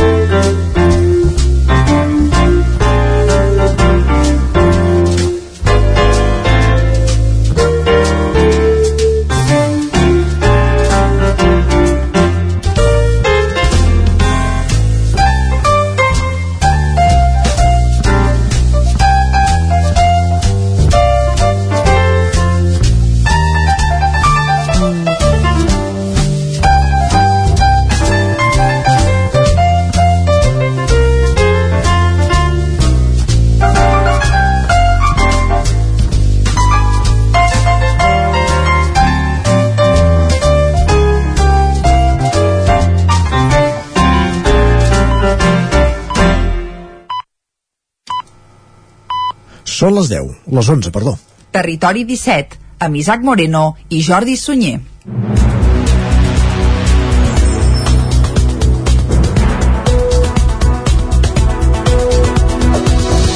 Diguem-ho bé, són les 11, repàs informatiu tot seguit del territori 17. Osona s'aproxima a les 700 defuncions des de l'esclat de la pandèmia.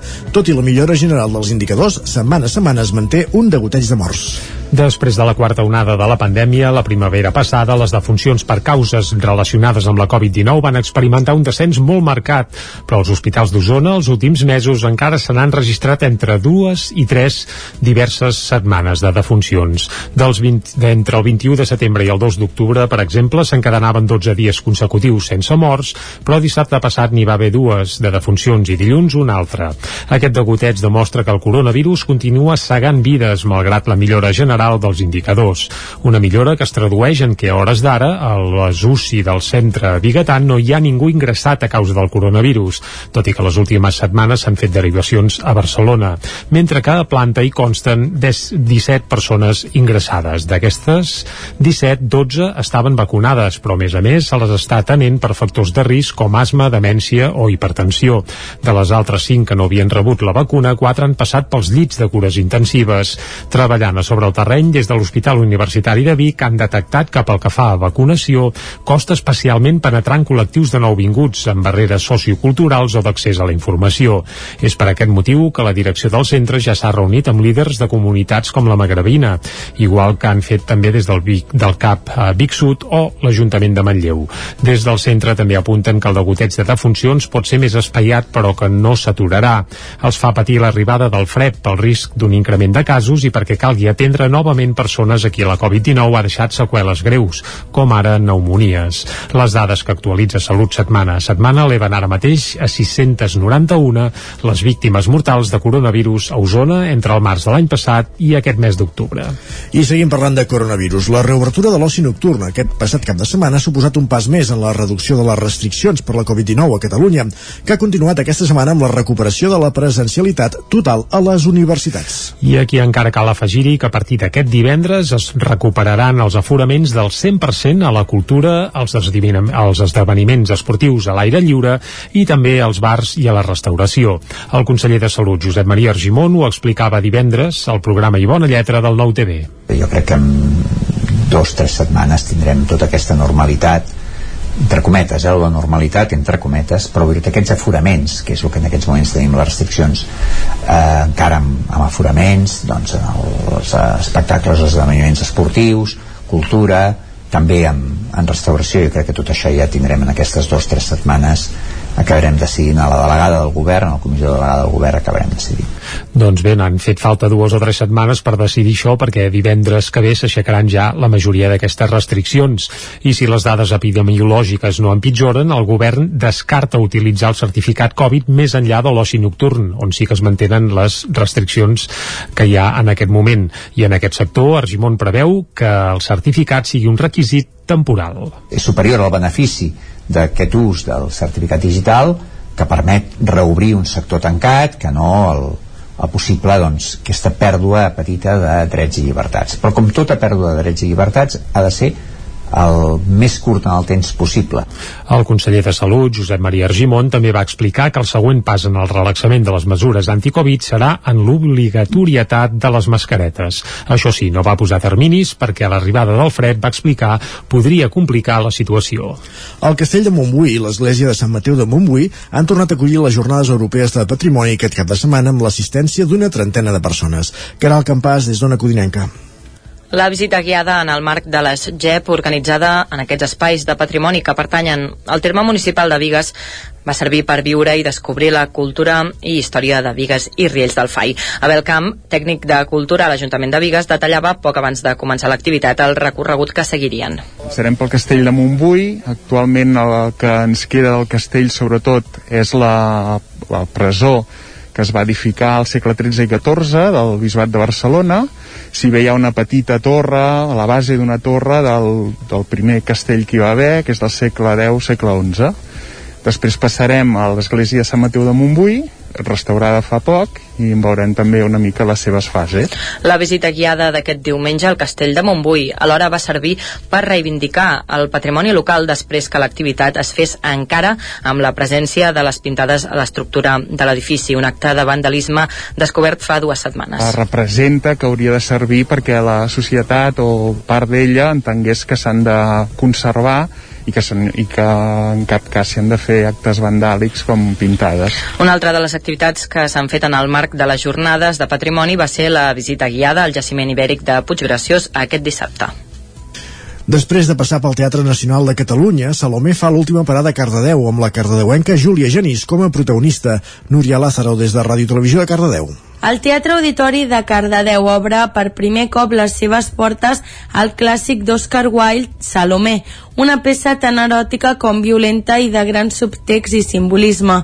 Aquest clàssic teatre l'ha estat adaptat i interpretat per la companyia La Cremosa, qui fa una nova traducció al català i reinterpreta certs aspectes de l'original.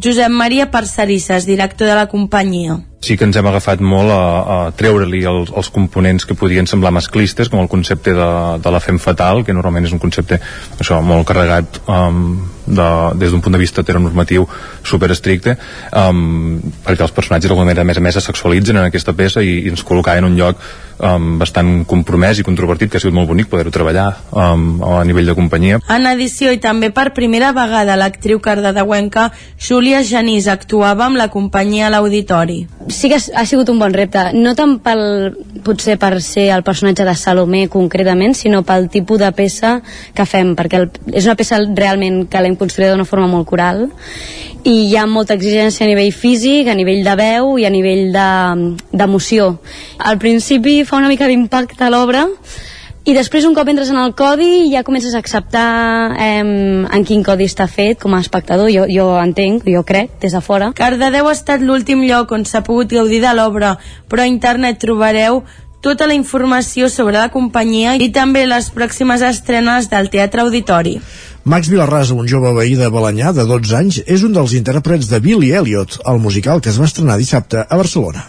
Billy Elliot, el musical, és una de les grans produccions de la temporada teatral a Barcelona i Max Vilarrasa és un dels cinc joveníssims actors i ballarins que s'alternaran en el paper de protagonista, el d'en Billy, el nen que també perseguia un somni, ser ballarí. La història ha commogut mig món des que l'any 2000 es va estrenar la pel·lícula. Vilarrasa, de 12 anys i veí dels Hostalets de Balanyà, arriba a aquesta superproducció sense cap experiència prèvia en el món del teatre i dels musicals, però amb un talent que està resultant innat. Fa 3 anys, quan encara en tenia 9, una amiga de la seva mare els va fer saber de la convocatòria d'un càsting per portar el musical de Billy Elliot, que estava triomfant a Madrid, cap a Barcelona.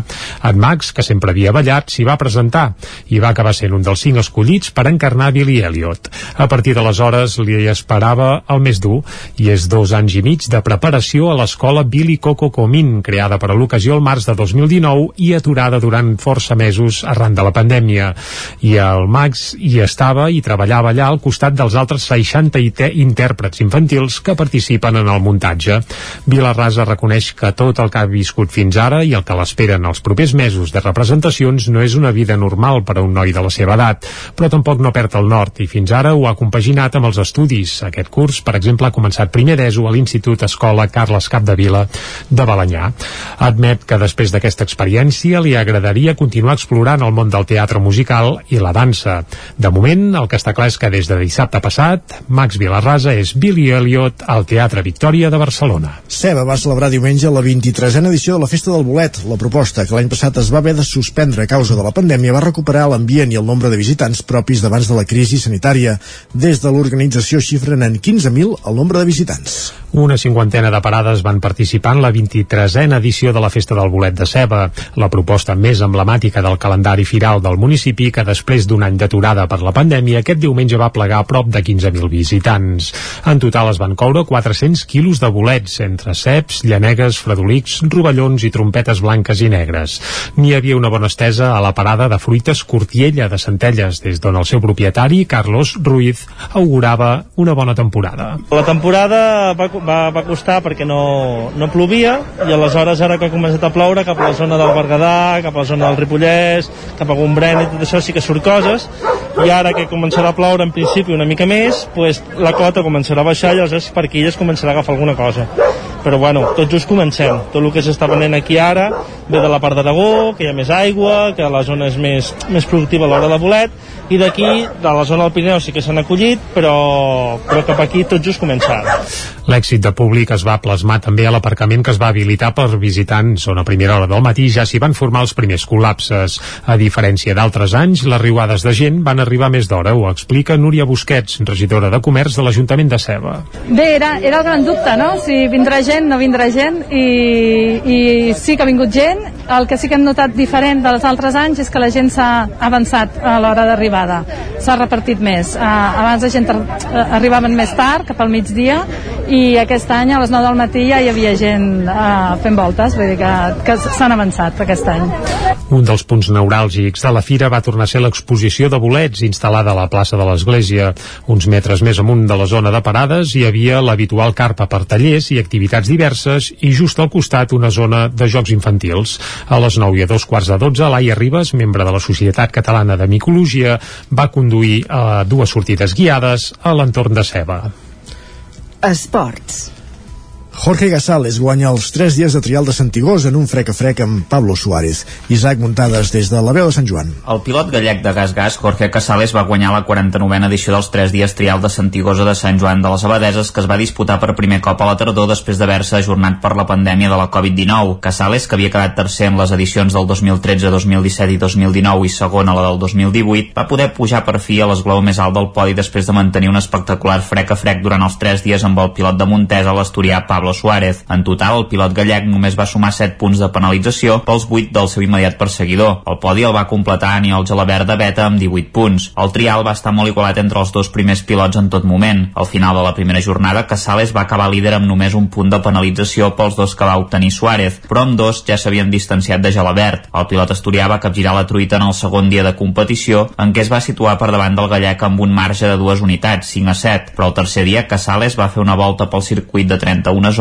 perfecte, mentre que el seu rival va cometre tres errades i va perdre el Santigosa. En la categoria femenina, la vencedora va ser Berta Avellan, que va acabar 22ena amb 87 punts de penalització, seguida d'Alba Villegas amb 127 punts a la 43a posició i Daniela Hernando a l'últim esglaó del podi amb 348 punts de penalització i 138ena a la general. El desè trofeu Ricard Pinet se'l va endur el jove pilot balear Ivan Garcia, que premia el corredor més jove i més ben classificat, mentre que el trofeu Mestressa de Santigosa va ser per Pablo Suárez. Durant els tres dies de competició, el trial de Santigosa també va comptar amb la presència dels millors pilots de trial del món com Toni Bau, Takahisa Fujinami, Jaime Busto i Albert Cabestany. A més a més, a la zona indoor del centre de Sant Joan, durant la jornada del dissabte va haver una exhibició dels pilots de Montesa Honda, Bou i Fujinami, a més de Gabriel Marcelli. De la resta de categories cal destacar les victòries d'Àlex Canales en júnior, cinquè classificat a la general, David Fabián en cadet, novè a la general, Carles Mas com el vencedor de la categoria de veterà A, Malció Stork en la de veterà B i de Marcos Combarro en la de juvenil. Gràcies, Isaac, per aquest exhaustiu repàs al trial de Santigosa, els tres dies de trial de Santigosa. Acabem aquí el repàs informatiu, anem al territori sostenible, tot seguit amb Jordi Givert.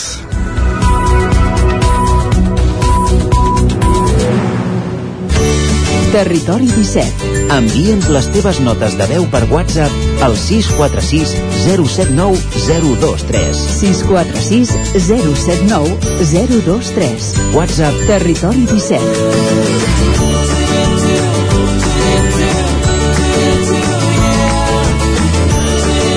Territori 17. Som a Facebook, Twitter i Instagram amb l'usuari Territori 17.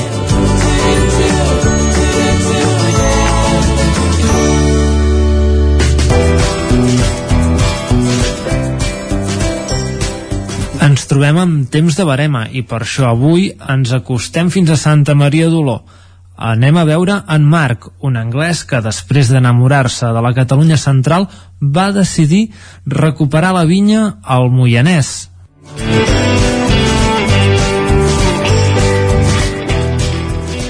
Hem arribat aquí a, a la masia de, del Colltor i ens acompanya en Marc, que és el propietari de, del celler. Uh, hola Marc, bon dia. Hola, bon dia. Uh, avui, uh, Marc, et volíem visitar per descobrir una mica el, el vostre projecte. Marc, tu vens d'Anglaterra, no? Sí, jo soy inglés, sí. Uh, com, com surt la idea de, de fer un, un celler uh, aquí al, al Pla de Bages? Bueno, eh, a ver, no quiero entrar en es un poco una historia un poco larga, pero em, conocí la zona eh, cuando llegué a Barcelona, en, en, a principios de los años 80. em, aparte de, de vivir en Barcelona, conocí principalmente primero la zona de, de Osona. em, y ah, como resultado de esto, eh, empecé a buscar una masía cerca de, Vic y, por la razón que sea pues me iba tirando hacia hacia el Valles y eh, pues eh, entre las cinco o seis masías que, que, que, que, vi pues escogí esta y mira fue, fue un poco casualidad porque tampoco sabía mucho no pero el hecho que estaba cerca de um, en Vic para entendernos es un poco la razón. I, i l'afició, ja, ja venies amb, amb la idea de, de fer un celler o això, l'afició del vi ja va, va sortir després? No, cuando compré la, la masía no tenía la intención de hacer vino. Eh, yo quería tener un- una masía en el Pirineo, Prepirineo, un poco fue mi, mi primer deseo. Eh, y fue a raíz de, ver, sobre todo Abadal y, y otras eh, bodegas más pequeñas, Fargas Fargas, empezaron a hacer vino, que, venía la idea de, de, de- que- quizás aquí se podría hacer lo mismo. Uh, Marc, Uh, he vist algunes novetats, ara em comentaves, uh, teniu més vinya plantada uh, que, que últimament. Uh, són, em comentaves que són varietats autòctones, no? Què, què és el que heu plantat uh, exactament? Sí, bueno, hemos um, ampliado la, la plantación, eh, hemos ampliado más, más Syrah y, y más Merlot, pero quizás más, más, más importante para nosotros es que hemos plantado unas variedades autóctonas. Uh, hace unos años, hace ya serán cuatro años, uh, Mandó y Picapol uh -huh. Negra. Y hace más poco, uh, más bien poco, um, Picapol Blanc y Macabeo. -huh. ¿Qué idea tenemos con esto? Bueno, con, con, con, con, las, con las variedades negras, pues lo que queremos hacer es um, hacer cupajes con, con las variedades más internacionales y la idea sería eh, hacer el Syrah con, uh -huh. por ejemplo, un 5 o 7% de pica-pol negra y el Mandó, Mandó Cabernet Sauvignon, uh, uh, um, perdón, Merlot y Cabernet Sauvignon con un poco de Mandó. Vale. O sea que esa es un poco la idea. Y luego ya con las blancas, evidentemente, queremos hacer un... Un vi blanc encara no, no en teniu un... Sí, exactamente, un vino blanco típico de, del, Bla, del Bages, principalmente picapol con algo de macabeo para dar un poco más de cuerpo. Vale. Uh, comentaves que a més a més heu plantat Sirà uh, i, i Cabernet o Merlot, em comentaves en total ara quantes hectàrees teniu plantades? Creo que estamos llegando a 4 hectáreas y media. Vale, doncs segueix sent uh, un celler petit uh, crec que ara parlàvem entre moltes varietats aquí però segueix sent una, una producció molt uh, reduïda uh, no sé si ens pot recordar que em sembla que aquí ho, ho treballeu vosaltres amb la família, no? Tot el, el que sí, és la producció sí, del vi. Es un negocio muy familiar. Uh -huh. uh, a ver, yo creo que podemos ampliar un poquito más, pero tampoco uh -huh. uh, vamos a terminar el terreno. Ya hemos cortado algo de bosque para poder plantar más. -huh. um, pero vamos a tener límites y, y, y, si no encontramos campos de, de, otros para alquilar, quedará aquí. Pero bueno, yo creo que también um, es importante, uh, si, si, si pasa esto, que, que, que, creo que será más probable, también se puede aprovechar y trabajar mucho más el terreno que tenemos. Uh -huh. hay, hay, hay, zonas que son muy secas, que quizás hay que dar poco de agua. Uh, hay zonas don, donde ha, han fallido, uh -huh. a, a plantas que tenemos que, que replantar, sé que hay muchísimo trabajo para, para que estas cuatro hectáreas y media o cinco hectáreas pueden rendir muchísimo más de lo que rinden ahora. Vale. Uh -huh. uh, doncs uh, la idea si planteu una mica més és seguir amb aquestes varietats que teniu ara no? La, tant les autòctones com sí, com yo que creo teniu. que si plantamos más serán autóctonas Uh -huh. yo creo que si, si hacemos algo más será más bien Macabeo Picapol Blanc Uh -huh. uh, yo creo que con el tinto yo creo que ya tenemos ya una línea de, de dos vinos uh, el, el vino más uh, accesible en precio el, el, el Merlot que, que está saliendo sobre 8 euros y el Syrah como bandera a 12 yo creo que ya están bien acaminados pero a cambio creo que vino blanco también veo que hay una demanda bastante fuerte para Picapollo Vale.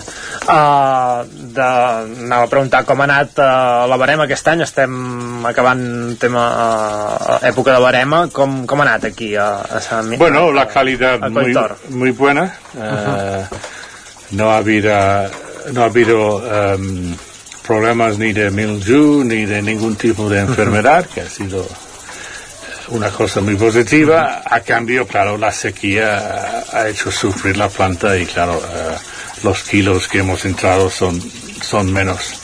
De todas formas, hemos cogido más este año que, que el año pasado, que el año pasado había mucha lluvia, pero pero, pero mucho mildew y, y eh, entonces como año, este año ha sido bastante mejor, porque buena calidad, menos, algo menos de kilos, pero bueno, no, también una cogida mm -hmm. correcta. També. Clar, no hi ha hagut el problema de, de tanta humitat, el temporal Glòria que hi va haver l'any passat sí. i, i tot arrossegat en temporals i que va fer sortir molt el, el mildiu uh, i tot i la sequera encara tindrem una bona, hem tingut una, una bona collita. Sí, sí, sí, no estamos satisfechos. Doncs uh, estarem atents. Llavors ens comentaves que en, en aquests uh, vins que, que ja teniu ara al mercat d'aquestes últimes anyades ja, ja es pot apreciar, no? Uh, ja hi teniu aquestes varietats autòctones que, que veu començar a plantar fa, fa uns anys, no? Uh -huh. Uh, quines són les que ja estan en els vostres vins actualment? Vale, bueno, poco a poco van entrando uh, actualmente uh, en, en nuestro uh, Merlot, cupaje de Merlot, ya hay, hay mandó, poco, pero, pero hay. Uh uh, y en el CIRA todavía no, pero creo que el año que viene sí que puede haber algo de, de picapol negro. No saldrá todavía en la etiqueta, pero en la, la añada de este año precisamente, sí. uh, 2021, será el primer año cuando saldrá oficialmente en el caso de, de, del Merlot será Merlot Cabernet y, y Mandó uh -huh. i en el cas de, de, del Syrah serà Syrah i... Doncs, uh, Marc, gràcies per anar acabant. Uh, et volia preguntar, no sé com us ha afectat també la, la pandèmia uh, a l'hora de, de comercialitzar el vostre vi, veníeu bastant a restaurants, no sé si, si esteu re, notant una, una remuntada o si us va afectar molt al principi. Quina és la situació? Bueno, a ver, como todos, um, tal, las bodegas más pequeñas no, no tenemos uh, representación en supermercados. Sí. Uh, y evidentemente la, la, venta fue de, de los de restauración a, ahí, ¿no? Uh, entonces nos afectó evidentemente como, como a todos. Um, pero bueno, ya, ya empezamos a buscar otras maneras, empezamos a vender mucho a particulares, uh sobre todo en el Reino Unido. Uh -huh había gente en, el, en sus casas uh, en el campo, pues no, claro, les iba perfecto que alguien les trajera no sé, cuatro docenas de, de, vino, ¿no? En lugar de tener que ir, ir a, a, salir a, a, buscarlo. Y este nos fue muy bien. Um, i aquí pues, sí que havia uns mesos un poco duros. Clar, recordem a la gent que tu, tu ets anglès, no? I, i per tant veneu al, al Regne Unit. Sí, bueno, este fue el año pasado, evidentemente. Sí, sí. Ahora ya con el Brexit eh, todo esto ha cambiado. Ya, no. ya la venta a, a, a, particulares es mucho más complicado. Vale. Uh, y hemos decidido, bueno, hemos dejado el Reino Unido afuera de, del, del, programa este año para porque yo creo que es mejor dejar las cosas sentarse y l'any que viene. Veure com funciona això del, del Brexit, que ara, a més a més ara ja és bastant, hi ha un moment complicat al Regne Unit, a veure com va, com va l'any que ve. He oído de historias terribles de, de mercancía que desaparece o que llega a otros países y bueno, yo creo que ahí también hay un tiempo para necesitar. És curiós, no sé si altres cellers d'aquí al Pla de Baix estan comentat que, que ja estan afectats pel Brexit, però deu ser curiós que, uh, perquè deu ser dels pocs que, que de, amb els teus que vincles sepa, treballis allà. de lo que sepa, que tampoco estoy 100% enterado, pero yo creo que poco vino del Valle se vende en Inglaterra, curiosamente. Yo creo que yo he visto algo de Petit Bernard, Uh -huh. eh, oye demás, pero un, poca cosa más. El por qué, no lo sé. Doncs, Marc, moltes gràcies per, per la visita i per tastar amb nosaltres aquest uh, Coll Tor 2018 de, de Merlot i ens, uh, ens tornem a veure aviat. Muy bien, pues muchas gracias. I gràcies a tots vosaltres per escoltar-nos un dia més. Salut i vi!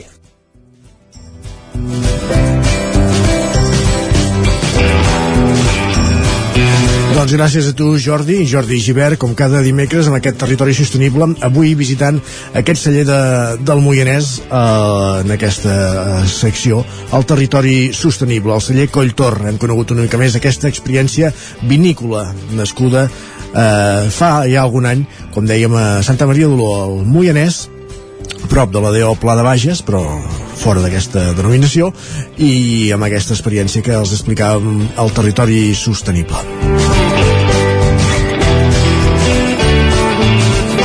Tot seguit farem una petita pausa per encarar la recta final del programa d'avui del Territori 17 d'aquest dimecres 13 d'octubre de 2021. Després de la pausa anirem fins a l'R3 amb l'Isaac Muntades per conèixer doncs, què hi l'última hora a la línia de tren que passa per aquest territori 17 i acabarem el programa doncs, fent la ro, la roda cultural, la roda de l'agenda cultural per les, diverses, per les diverses emissores que coproduïm aquest espai, Ona Codinenca, Ràdio Cardedeu, la veu de Sant Joan i el 9, el 9 FM i Ràdio Vic. Com dèiem, serà, res, d'aquí 3 minuts, després d'una petita pausa. Fins ara mateix.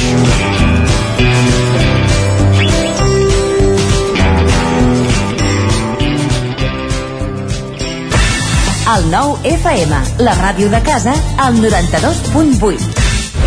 El racó de León. Gaudeix de la nostra terrassa. Vine a tastar les xuletilles de lechal a la brasa amb una bona amanida o el xuletón de vedella gallega. No et pots perdre el nostre lechado de Castilla al forn o el cochinillo a l'estil de Segovia. Tot acompanyat del millor celler, al menjador o fora la terrassa. Descobreix la millor cuina de Lleó sense moure't de casa. Vine amb la família, els amics, la parella o sol. T'encantarà. El racó de León, cuina tradicional lleonesa i de mercat. Som al carrer Torelló número 35 de Vic. Per reserves, telèfon 93 889 1950. El racó de León, una cuina diferent. Som especialistes en cargols a la llauna. Vine a tastar-los al racó de León. Cefusol, centre de formació de soldadura GURB. Som especialistes en processos de soldadura. Disposem d'instal·lacions totalment equipades per a classes de teòrica i pràctica amb cabines individuals i equipaments de seguretat. Assessorem empreses i oferim cursos subvencionats i bonificats. Vine i t'informarem. Cefusol, som al carrer Sant Roc número 21 de GURB. Telèfon 664 206 192. També ens trobaràs a cefusol.com i a YouTube. Quan arriba la nit de Tots Sants, les bruixes tornen a Viladrau. Des de 1997, el 31 d'octubre arriba al Ball de Bruixes, un espectacle de carrer teatralitzat amb música, dansa, llum i foc en què 14 dones de Viladrau es reuneixen per celebrar la seva última junta abans de ser condemnades i executades. Aquest any, doble representació a les 9 i a dos quarts d'onze del vespre. Reserva ja la teva entrada i vine a commemorar la persecució de les bruixes. El 31 d'octubre, 24è Ball de Bruixes de Viladrau. Consulta totes les activitats a viladrau.cat. A Corretja tenim tot el que necessites per la teva llar. Tot tipus de paviments i revestiments, sistemes d'aïllament, cobertes, parquets, aixetes, ferreteria, pintures, fixació i cargoleria, vestuari i material de seguretat. Disposem de més de 3.500 metres quadrats d'exposició amb una nova zona exterior d'aïllaments. A Corretja som especialistes en cuines i banys. Us assessorem, dissenyem i realitzem el projecte des de l'inici fins a la fi del muntatge. 100% cuines, 100% banys. Al carrer Mas Vigues 8 de Vic, a corretja-sl.com o a Instagram. 100% materials per la construcció i la decoració. 100% corretja. Això és el que s'escolta al voltant d'una caldera saunia d'Oval. Tranquilitat i benestar, perquè gaudeix del millor manteniment del servei tècnic oficial per estar despreocupat. O el que vulgui. Informis a Oficiat Nord trucant al 938860040. Saunia d'Oval, sempre al seu costat. El 9 FM, el 9 FM, el 9 FM, el 9 FM, el 9 FM. Territori 17. A Tren d'Alba. Cada dia els usuaris de la línia R3 de Rodalies que veuen sortir el sol des d'un vagó ens expliquen les gràcies i les penes del primer comboi que uneix Ripoll i Barcelona. Benvinguts a Tren d'Alba. La vaga de maquinistes de Renfe, encara que ja hagi passat, segur que se'n parlarà durant un temps. Ara caldrà veure si a la negociació dels pressupostos generals de l'estat espanyol és moneda de canvi el traspàs de rodalies de la Generalitat de Catalunya perquè Esquerra Republicana hi voti a favor o no, perquè ja sabeu que diuen que la vaga es va desconvocar perquè es va prometre d'alguna manera als maquinistes que aquest traspàs no estava sobre la taula. Ja ho veurem. Avui us vull arrencar un somriure amb una cançó del Polònia de TV3 sobre l'R3 en què hi apareix Pep Sala, interpretat per Pep Plaza Plaza versionant la mítica cançó del tren de mitjanit. Escolteu-la, ja veureu que divertida. Ara us tocaré una cançó inspirada amb una nit molt llarga o que em vaig estar esperant el puto Rodalies. M'acompanyeu? Mm. Sovint et sents atrapat en aquesta estació i tens ganes de cridar. Cada dia hi ha un retard en un tren d'aquest país. Mireu que tou de gent. Els dies de vaga els trens van tan tard que tinc temps de llegir l'obra de Kant. Ja no em queda cap més llibre. Cada dia hi ha un retard en un tren d'aquest país. Si usuari vols anar enxugat, si és massoca i t'agrada el risc, si de la feina vols ser acomiadat, cada dia en algun lloc pots pujar a un tren d'aquest país. Vinga, som-hi, som per allà. He conegut un viatger que volia agafar un tren el gener. No sempre s'està de sort, ell porta tant de temps al banc que ara ja és mort. Els maquinistes ja no se'ls veu posen un globus com a conductor el millor és passar el rosari. Cada dia hi ha un retard en un tren d'aquest país. Si usuari no te'n pots fiar. Un tren de Renfe és com l'un tití tard o d'hora et deixarà tirar.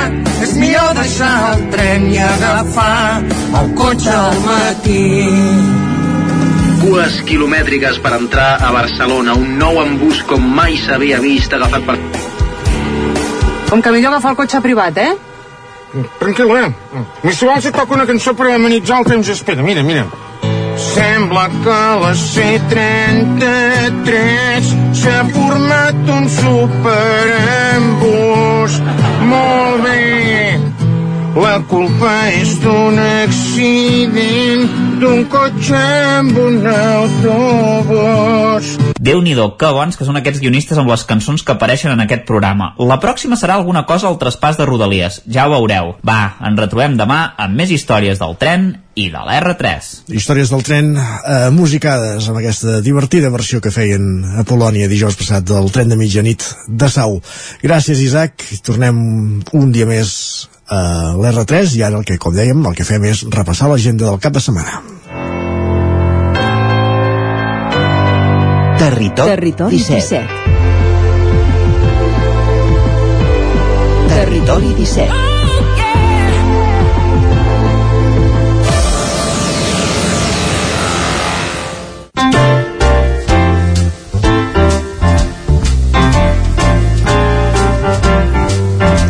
Doncs quan passen 4 minuts a dos quarts de 12, el que fem és començar aquesta roda per conèixer l'agenda d'actes culturals per als propers dies a les nostres comarques i comencem aquesta roda a Cardedeu amb l'Òscar Muñoz. Bon dia. Bon dia. Com estem? Estem bé, estem bé. Així m'agrada. I com tenim l'agenda? Seria la segona pregunta.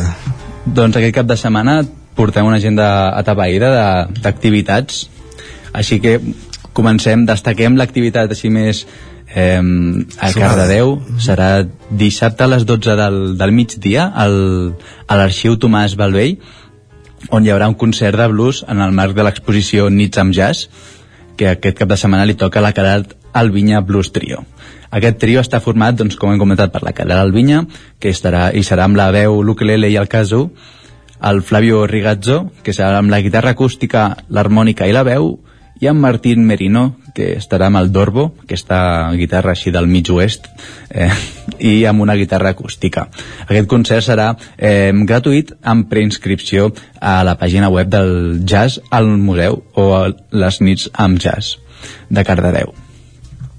De Cardedeu, això és tot el que podem fer activitats aquest cap de setmana eh, culturals i ara ens aniríem a, a Llinars on Perfecte. dissabte i diumenge a les 12 del migdia fan una visita guiada al Castell Nou i ho fan també amb un maridatge de formatges amb el vi de, de denominació de l'Ella. D'acord. Cada mes, cada mes d'octubre el Consorci de, de Promoció Enoturística del territori de, de denominació de l'Ella organitza una sèrie d'activitats per promocionar l'enoturisme i Llinars doncs, fa uns anys que forma part d'aquests eh, de, de la denominació d'origen de l'Ella llavors aquest proper 16 i 17 d'octubre, o sigui dissabte i diumenge a les 12, doncs això, es farà una petita visita guiada al Castell Nou amb aquests formatges i vins tan locals. Interessant, molt bé.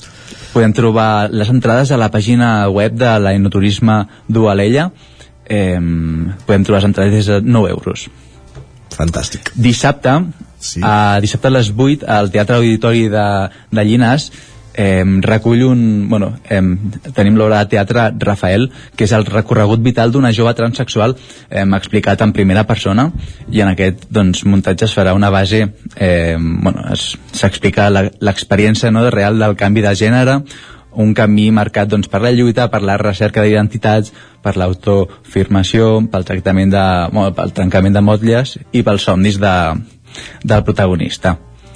Eh, podem trucar les, eh, podem trobar les entrades des de 15 euros anticipades i si no el mateix dia taquilla per 2 euros més, 17 així que doncs Rafael dissabte a les 8 al Teatre Victoria de Llinars i diumenge hi han dues activitats més al Teatre Victoria de Llinars o sigui, aquest cap de setmana estarà complet uh Mhm. -huh.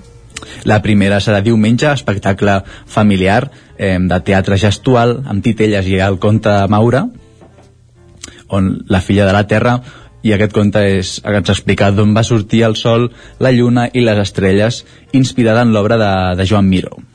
Podem trobar les, eh, les, eh, les entrades anticipades a 5 euros o a taquilla per un euro més. Aquest espectacle res, dura doncs, uns 35 minutets i doncs això, per tota la família, pels més menuts i no, per ta, no tan menuts. Perfecte. I diumenge a les 7 seria l'últim espectacle de Llinars eh, que faran un gran recital de violoncel i piano amb la violonc violoncel·lista eh, polonesa la Anna Mikulaska i el pianista català Filip Argenti van, doncs, van voler reunir músiques de les seves eh, respectives arrels i sensibilitats en aquests programes de, de reci aquests recitals de violoncel i piano i ens portaran doncs, músiques eh, especialment de Polònia, d'Espanya de, i de França i de, que és d'on són aquests músics i també ens, poden, ens de, descobriran aquestes formes musicals amb un toc d'humor que els hi posaran.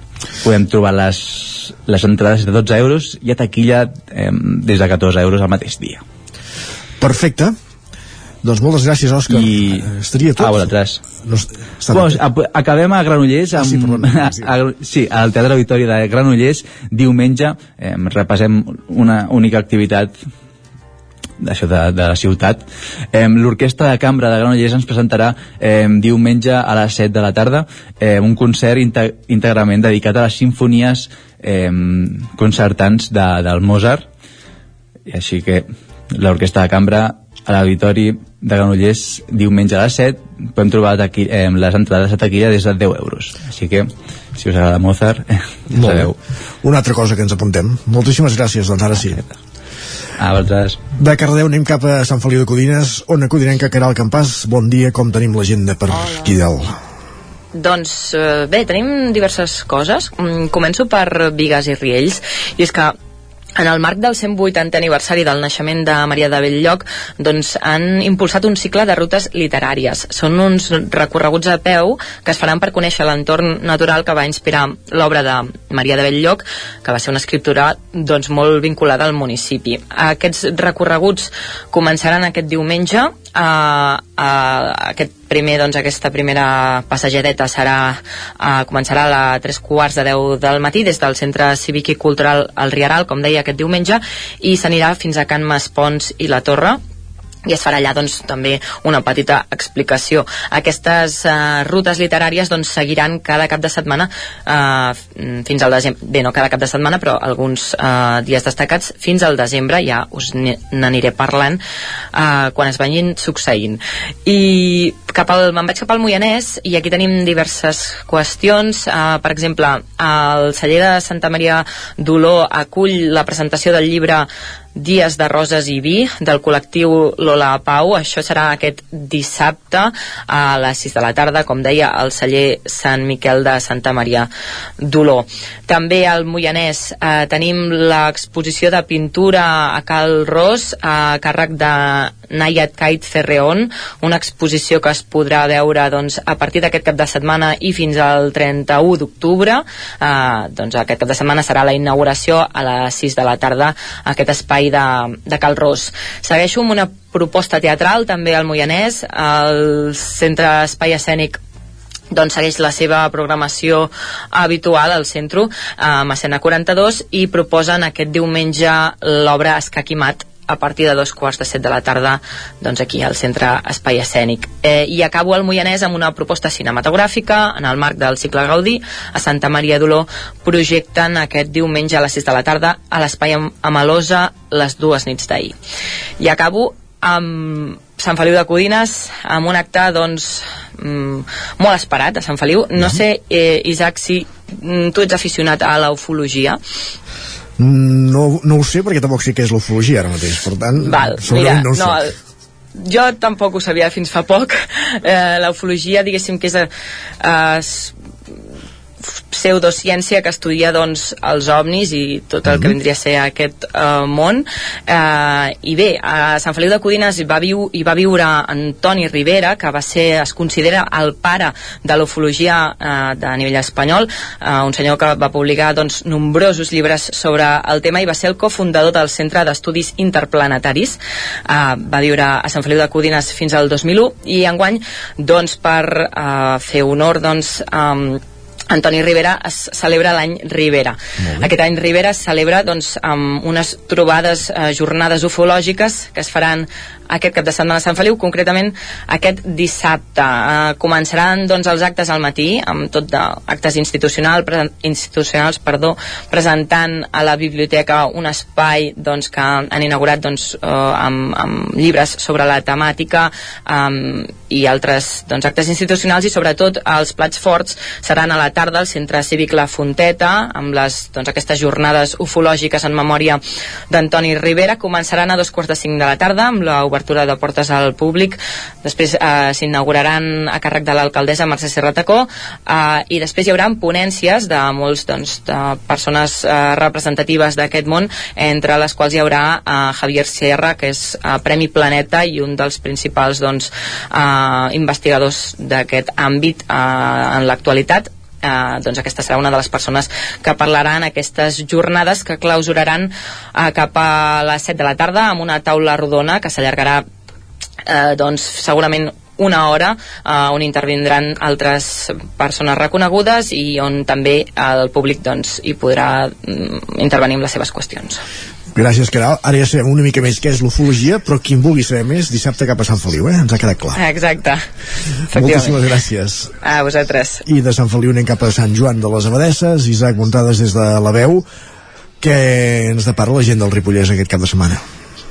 Doncs mira, la gent d'aquest cap de setmana no, no parlarem d'òmnis, parlarem de, per exemple, de la Fira de Santa Teresa i Fira Catalana de l'Ovella de Ripoll, que uh, us ho expliquem ara perquè divendres ja serà ja haurem fet salat, si ho Sí, haguéssim de fer exacte. per la gent de d'oci, exacte, i mireu, aqu eh, la fira bàsicament comença a dos quarts de deu del matí i s'allargarà fins a les dues de la tarda, això serà al carrer Jacint Verdaguer, a la zona de la, de la Font Viva, pels que són de Ripoll de tota la vida, i allà s'hi podrà veure doncs, una mostra de bestiar oví de raça ripollesa i també d'altres races autònomes de, de Catalunya. També hi haurà un concurs de bestiar on es premiarà doncs, el millor marrà, el millor lot d'ovelles, el millor lot de xaies i també el millor animal de la fira i la, la fira també a les 12 a la plaça del Lira hi ha una activitat paral·lela que és la gala de la Serra del producte del Ripollès, en aquest cas, uh -huh. que, bueno, que vol ser un reconeixement empresarial de- d'aquesta associació i a continuació, després de la gala de, la Serra, repartirà doncs, els premis del concurs i es donaran els obsequis de la fira. A més, durant tot el dia també hi haurà uh, parades d'artesania i de mercat tradicional a les tres places i bueno, al carrer Jacint Verdaguer i a la plaça Gran i a la de Sant Eudal que tot queda uh, allà mateix per tant uh, moltes activitats uh, El que sí que veig que esteu ramaders al Ripollès, perquè dissabte va haver-hi la Fira del Bestiar a Ribes, avui ha la Tria de Molats a Espiravell, i divendres aquesta Fira de l'Ovella a Ripoll. Vull dir, Déu-n'hi-do. Exacte, sempre és aquesta setmana d'octubre que coincideixen les tres uh, fires, perquè la, la tria de mulats, que evidentment, com bé has explicat que es fa avui, sempre cau en el mateix dia, en el 13 d'octubre, uh, la, de Sant, la fira de Santa Teresa sempre cau el, el dia 15, Uh, i en teoria la Fira de Ribes sempre cau en aquest uh, en el dissabte no? de, de, anterior, de, sí. de, anterior no? per tant en aquest cas sempre en pocs dies tenim totes aquestes fires i després encara ens faltarà la, la del cavall pirinenc català de Llanàs eh? vull dir que, que encara no, no haurem acabat eh? però aquesta em sembla que encara queden algunes, algunes setmanetes um, llavors dir-vos uh, ahir per exemple res, només explicar-vos que es va fer a, a celebrar la, la clausura del Festival Terra Gullut Film Festival al Teatre Diagonal de Can Bànol que es van entregar diversos premis i es va veure el film 15 hores de, de Judit Colell Uh, 15 hores, perdó, i, i producció de, d'Alfons Par i, i dir-vos també doncs, que hi haurà films uh, bueno, que, que s'han projectat diversos films aquests dies i que en principi doncs, uh, el festival Terra Gullit Film Festival doncs, ha estat un èxit com, com ja ve sent els últims anys i, i bé, eh, dona, dona el relleu a Can de Bànol que venia d'això, de que Can de Bànol feien el Terra Film Festival, avui també a partir d'aquest dimecres hi haurà un curs de, de sardanes, però també de balls tradicionals i, i dansa eh, i diverses eh, manualitats que es podrà fer a Can de Bànol, per tant tot, tot, tot barrejat i això serà cada dimecres a dos quarts de nou del vespre, per tant durant pràcticament doncs, eh, fins Nadal, eh, això, vull dir que, que està bé eh, aquest curs. Eh, tres activitats més, eh, aquest dijous a les 7 de la tarda a la Biblioteca Lambert Mata de Ripoll hi haurà cinema i literatura amb una xerrada a càrrec de Ramon Musac i, Ramon Alabau que parlen de Highsmith i Hitchcock que ja sabeu que són dos mags de, del suspens i en aquest cas, bueno, suposo que de Hitchcock segurament sortirà l'escena famosa de psicosis a, a la dutxa amb l'apunyalament de, de l'actriu Janet Leigh no? que és una de les escenes mítiques per tant, els que els agraden aquest tipus de pel·lícules de, de mig terror, mig suspens com també Ocells eh? de, de Hitchcock, que també és una altra pel·lícula molt famosa, doncs podran, podran parlar doncs, amb, amb Musaki i Alabau, els dos Ramons, que segur que tenen una xerrada bastant interessant. I, i dues activitats a, a Sant Joan de les Abadès que jo crec que potser la primera és la, una de les més importants de, de, del cap de setmana eh, perquè recordem que Sant Joan continua el cicle de tardor eh, 2021 del Sat Teatre Centre i ho farà diumenge a dos quarts d'una del migdia al Palau de l'Abadia amb les dones Strings que presenten el nou viatge que és el seu nou treball i que és estrena mundial a Sant Joan de les Abadeses ja són unes habituals, eh, les dones Strings de, de Sant Joan perquè des de que es va encetar el cicle ara fa 3 anys i mig crec que aquesta serà la tercera vegada que, que venen, vull dir que solen eh, triomfar i tenen el seu públic aquí a Sant Joan és, és el trio format per Marina Prades, Anna Urpí i Marta Pons, que en aquest cas doncs, Marina Prades és la, és la veu, és la, la que canta sobretot, i també doncs, eh, ella i la seva companya Anna Urpí toquen els violins i Marta Pons el cello i faran un concert de, de petit format. Les entrades poden obtenir a Code Tickets o a l'oficina de turisme per 15 euros, la, les que són anticipades, i eh, per 17 euros les de taquilla. I, i bé, serà el primer d'aquests espectacles d'aquest mes d'octubre que em sembla que, que arriba bastant carregat d'espectacles de Sant Joan perquè també, si no recordo malament, hi ha, hi ha Manel Fuentes i Sílvia Bel però ara no, ara no us ho sé dir de memòria però, però déu nhi eh, el nivell que tindrem. Manel Fuentes que I... fa monòlegs o... Bruce Springsteen. Ah? vindrà, vindrà a cantar Bruce Springsteen. De fet és un gran imitador, si ja heu vist el, el programa aquell que feia Antena 3 Tocada més suena més alguna un, vegada havia... més que un imitador és un gran fan de Bruce Springsteen. Sí, sí, i, i, i és un bon imitador i a més canta molt bé, eh? vull dir que quan l'imita i la veu canta molt bé, perquè havia imitat en algun programa al Bosch i ho feia realment bé, eh? vull dir que aquí ve amb un grup, amb un grup que en aquest cas em sembla que vindran tres, tres persones que l'acompanyaran, normalment són cinc però aquí vindrà amb un format més reduït i, i, i cantarà cançons de, de Bruce Springsteen ja fa algun temps que ho fa, eh? això vull dir que és, és una cosa que no és d'ara d'aquest any, eh? vull dir que poder fa uns 3-4 anys que ho fa i, i pot ser una activitat bastant interessant però bueno, ja, ja us ho explicarem quan, quan encara sigui falta, el moment exacte. encara falta, sí, encara falten algunes setmanes uh, i dir-vos també que aquest uh, a Sant Joan no ens movem de Sant Joan perquè aquest pròxim dissabte a les 6 de la tarda es farà la presentació del mural de ceràmica artesanal fet amb motiu del mil·lenari de l'expulsió de les abadeses del monestir de Sant Joan que bueno, en aquest cas l'obra estarà situada al carrer Bisbe Soler i està feta pel taller de les monges benedictines de, de Sant Benet de Montserrat i és una iniciativa que s'emmarca en els actes que doncs, recordaven doncs, aquesta efemèride d'aquests mil anys d'expulsió de la comunitat Sant Joanina de monges benedictines del, del monestir que va ser fundat l'any 885 després de Crist. Uh, i bueno, en aquest cas uh, l'any 2017 es van fer unes jornades d'estudi sobre el qual fou el primer monestir femení de Catalunya i llavors es va acordar fer l'encàrrec d'elaborar aquest mural que un cop llestit enllestit doncs eh, ha vist posposada la col·locació, eh? no l'acabaven de poder posar per culpa de la pandèmia de la Covid-19 i ara sí que el, que el tindrem i l'acte doncs, comptarà amb la presència de l'abadesa del monestir de Sant Benet de Montserrat, Maria del Mar Albàjar i de l'alcalde de Sant Joan de les Abadeses, eh, Ramon Roquer. En aquest, en aquest mural fet a mà s'hi poden veure les cinc abadeses que van estar al capdavant del monestir amb elements decoratius relacionats amb característiques que les defineixen i consta de 207 rajoles cuites a 960 graus amb esmals fets en fórmules pròpies del taller de Sant Benet i també eh, amb colors que van d'acord amb l'entorn on s'ha col·locat i durant l'acte també es repartiran uns fulletons on les mateixes creadores explicaran les iconografia escollida. Per tant ja veieu, eh, dues activitats bastant interessants a, a Sant Joan de les Abadeses per acabar aquesta agenda del, del Ripollès. Perfecte, doncs ens ho apuntem també Isaac, moltíssimes gràcies. Que acabi de bé el dia. Adéu-siau, fins demà. bon dia. I acabem aquest recorregut al 9FM, als estudis del 9FM, en Miquel R, eh, amb qui repassarem l'agenda per als propers dies a, a l'agenda cultural a la comarca d'Osona. Bon dia, Miquel, de nou. Molt bon dia de nou. Doncs sí, un cap de setmana també intens a nivell de propostes culturals. Si us sembla, us en destacarien quatre uh -huh. per centrar-nos. Una és el festival, perdó, el Festival Protesta que arrenca aquest divendres. Que pren el relleu del, del Gollut, que ens explicava ara mateix l'Isaac. Cor correcte, prenem el testimoni una mica aquest, aquest tipus de festivals cosins germans, eh? també de, de, de denunciar una mica de la situació eh, actual. Això són és la novena edició, recordem que l'any passat es va haver de suspendre i serà ja en format complet, plenament presencial, um, repartit en cinc escenaris diferents, i serà el Casino de Vic, l'ETC, el flamant ETC, perquè precisament eh, aquest dijous s'inaugura, diguéssim, remodelat aquest espai del Remei, l'Atlàntida, la Fàbrica dels Somnis i per primera vegada també a Manresa, la Plana de l'Om, s'incorpora el Bages també, diguem, de, com, a, com a espai per, per emetre les les projeccions. Recordem que hi han 11 films en concurs. Aquest mateix divendres, com a arrencada, eh, destaca aquesta producció holandesa Shadow Game sobre joves que venen de països en conflicte com Síria, l'Afganistan i que juguen la vida per entrar a Europa, per tant una primícia també a nivell de l'estat espanyol. Eh, hi han 11 films en concurs i, i en el que seria la secció de curtmetratges dels prop de 400 curtmetratges presentats, hi haurà 20 produccions que passaran també eh, que, passa, que, es, que es projectaran i entraran en la fase de concurs. Això comença aquest divendres, acaba el dissabte de la setmana que ve amb el lliurament de guardons, per tant uns quants dies amb, amb festival de cinema compromès. Molt bé. Tenim una proposta que es va poder veure a Vic el novembre del 2019, però que ara arriba al Teatre Sirvianum aquest divendres a les 8 del vespre. Es tracta del muntatge Jo bé i tu, que és una producció, una representació que en, en la qual han coparticipat el músic usonenc Arnau Tordera i Usonament um, i està protagonitzada precisament per persones usuàries i professionals d'aquesta entitat de, de, que atén persones amb, amb problemes de salut mental i addiccions. Per tant un bon moment també per reflexionar sobre, sobre la situació d'aquest col·lectiu. De fet es programa coincidint amb el Dia Mundial de la Salut Mental que va ser diumenge, oi? Correcte Uh, una altra estrena esperada també és la versió teatral, eh, una versió teatral de l'obra d'Irene Solà, Canto jo i la muntanya balla, tan celebrada i tan premiada. Uh -huh. uh, es va estrenar a principis d'any a Barcelona i ara arriba a l'Atlàntida, serà aquest dissabte al vespre, a les 8 del vespre.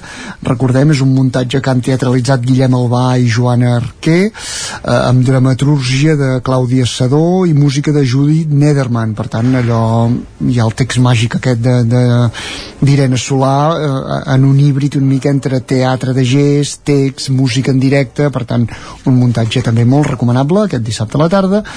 I finalment recordaríem que tenim en marxa des del cap de setmana passat el Festival de Jazz de Vic el Festival Alhambra de Jazz de Vic eh, amb propostes també durant tot el cap de setmana fins diumenge si us sembla us en destacaria dues amb, amb empremta usonenca que seria el nucli trio que aquest dijous a la Jascava estrenarà també el seu primer disc i el diumenge també a la recta final el Mitjavila, Martí Mitjavila Trio aquest jove que està estudiant a Holanda que ens visita de tant en tant el podem veure poquet i per tant ens podrà mostrar una mica amb el clarinet les seves virtuts d'ell i, la, i la seva formació per tant deixar-se una mica també imbuir de, de, de part del millor jazz de, nacional i internacional que ens visita a Vic Perfecte, Miquel, moltíssimes gràcies doncs, per aquest repàs també d'activitats a la comarca d'Osona. Bon cap de setmana. Bon cap de setmana. I arribarem al punt de les 12 eh, escoltant un dels artistes que hem mencionat. Ens explicava l'Isaac Montades que en les properes setmanes hi haurà aquest tribut a Bruce Springsteen per part de Manel Fuentes a Sant Joan de les Abadesses. Doncs avui, per què no, acabar el programa amb la música del Bosch.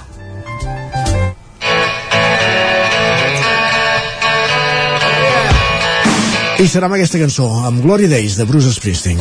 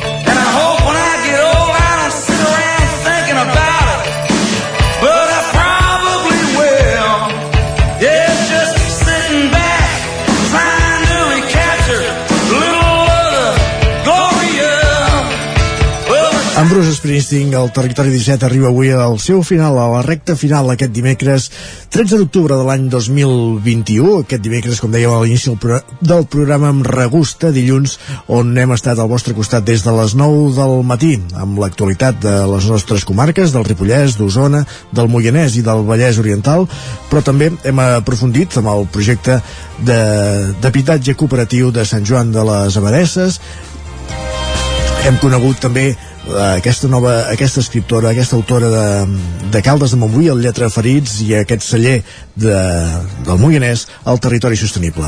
Arri acabem. Isaac Muntades, Núria Lázaro, Guillem Freixa, Caral Campàs, Jordi Givert, Òscar Muñoz, Miquel R, Jordi Sunyer, Isaac Moreno. I tornem demà a les 9 del matí. Bon dia.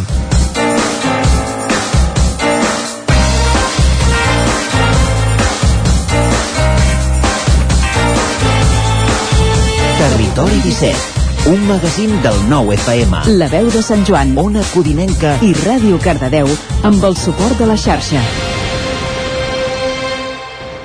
El nou FM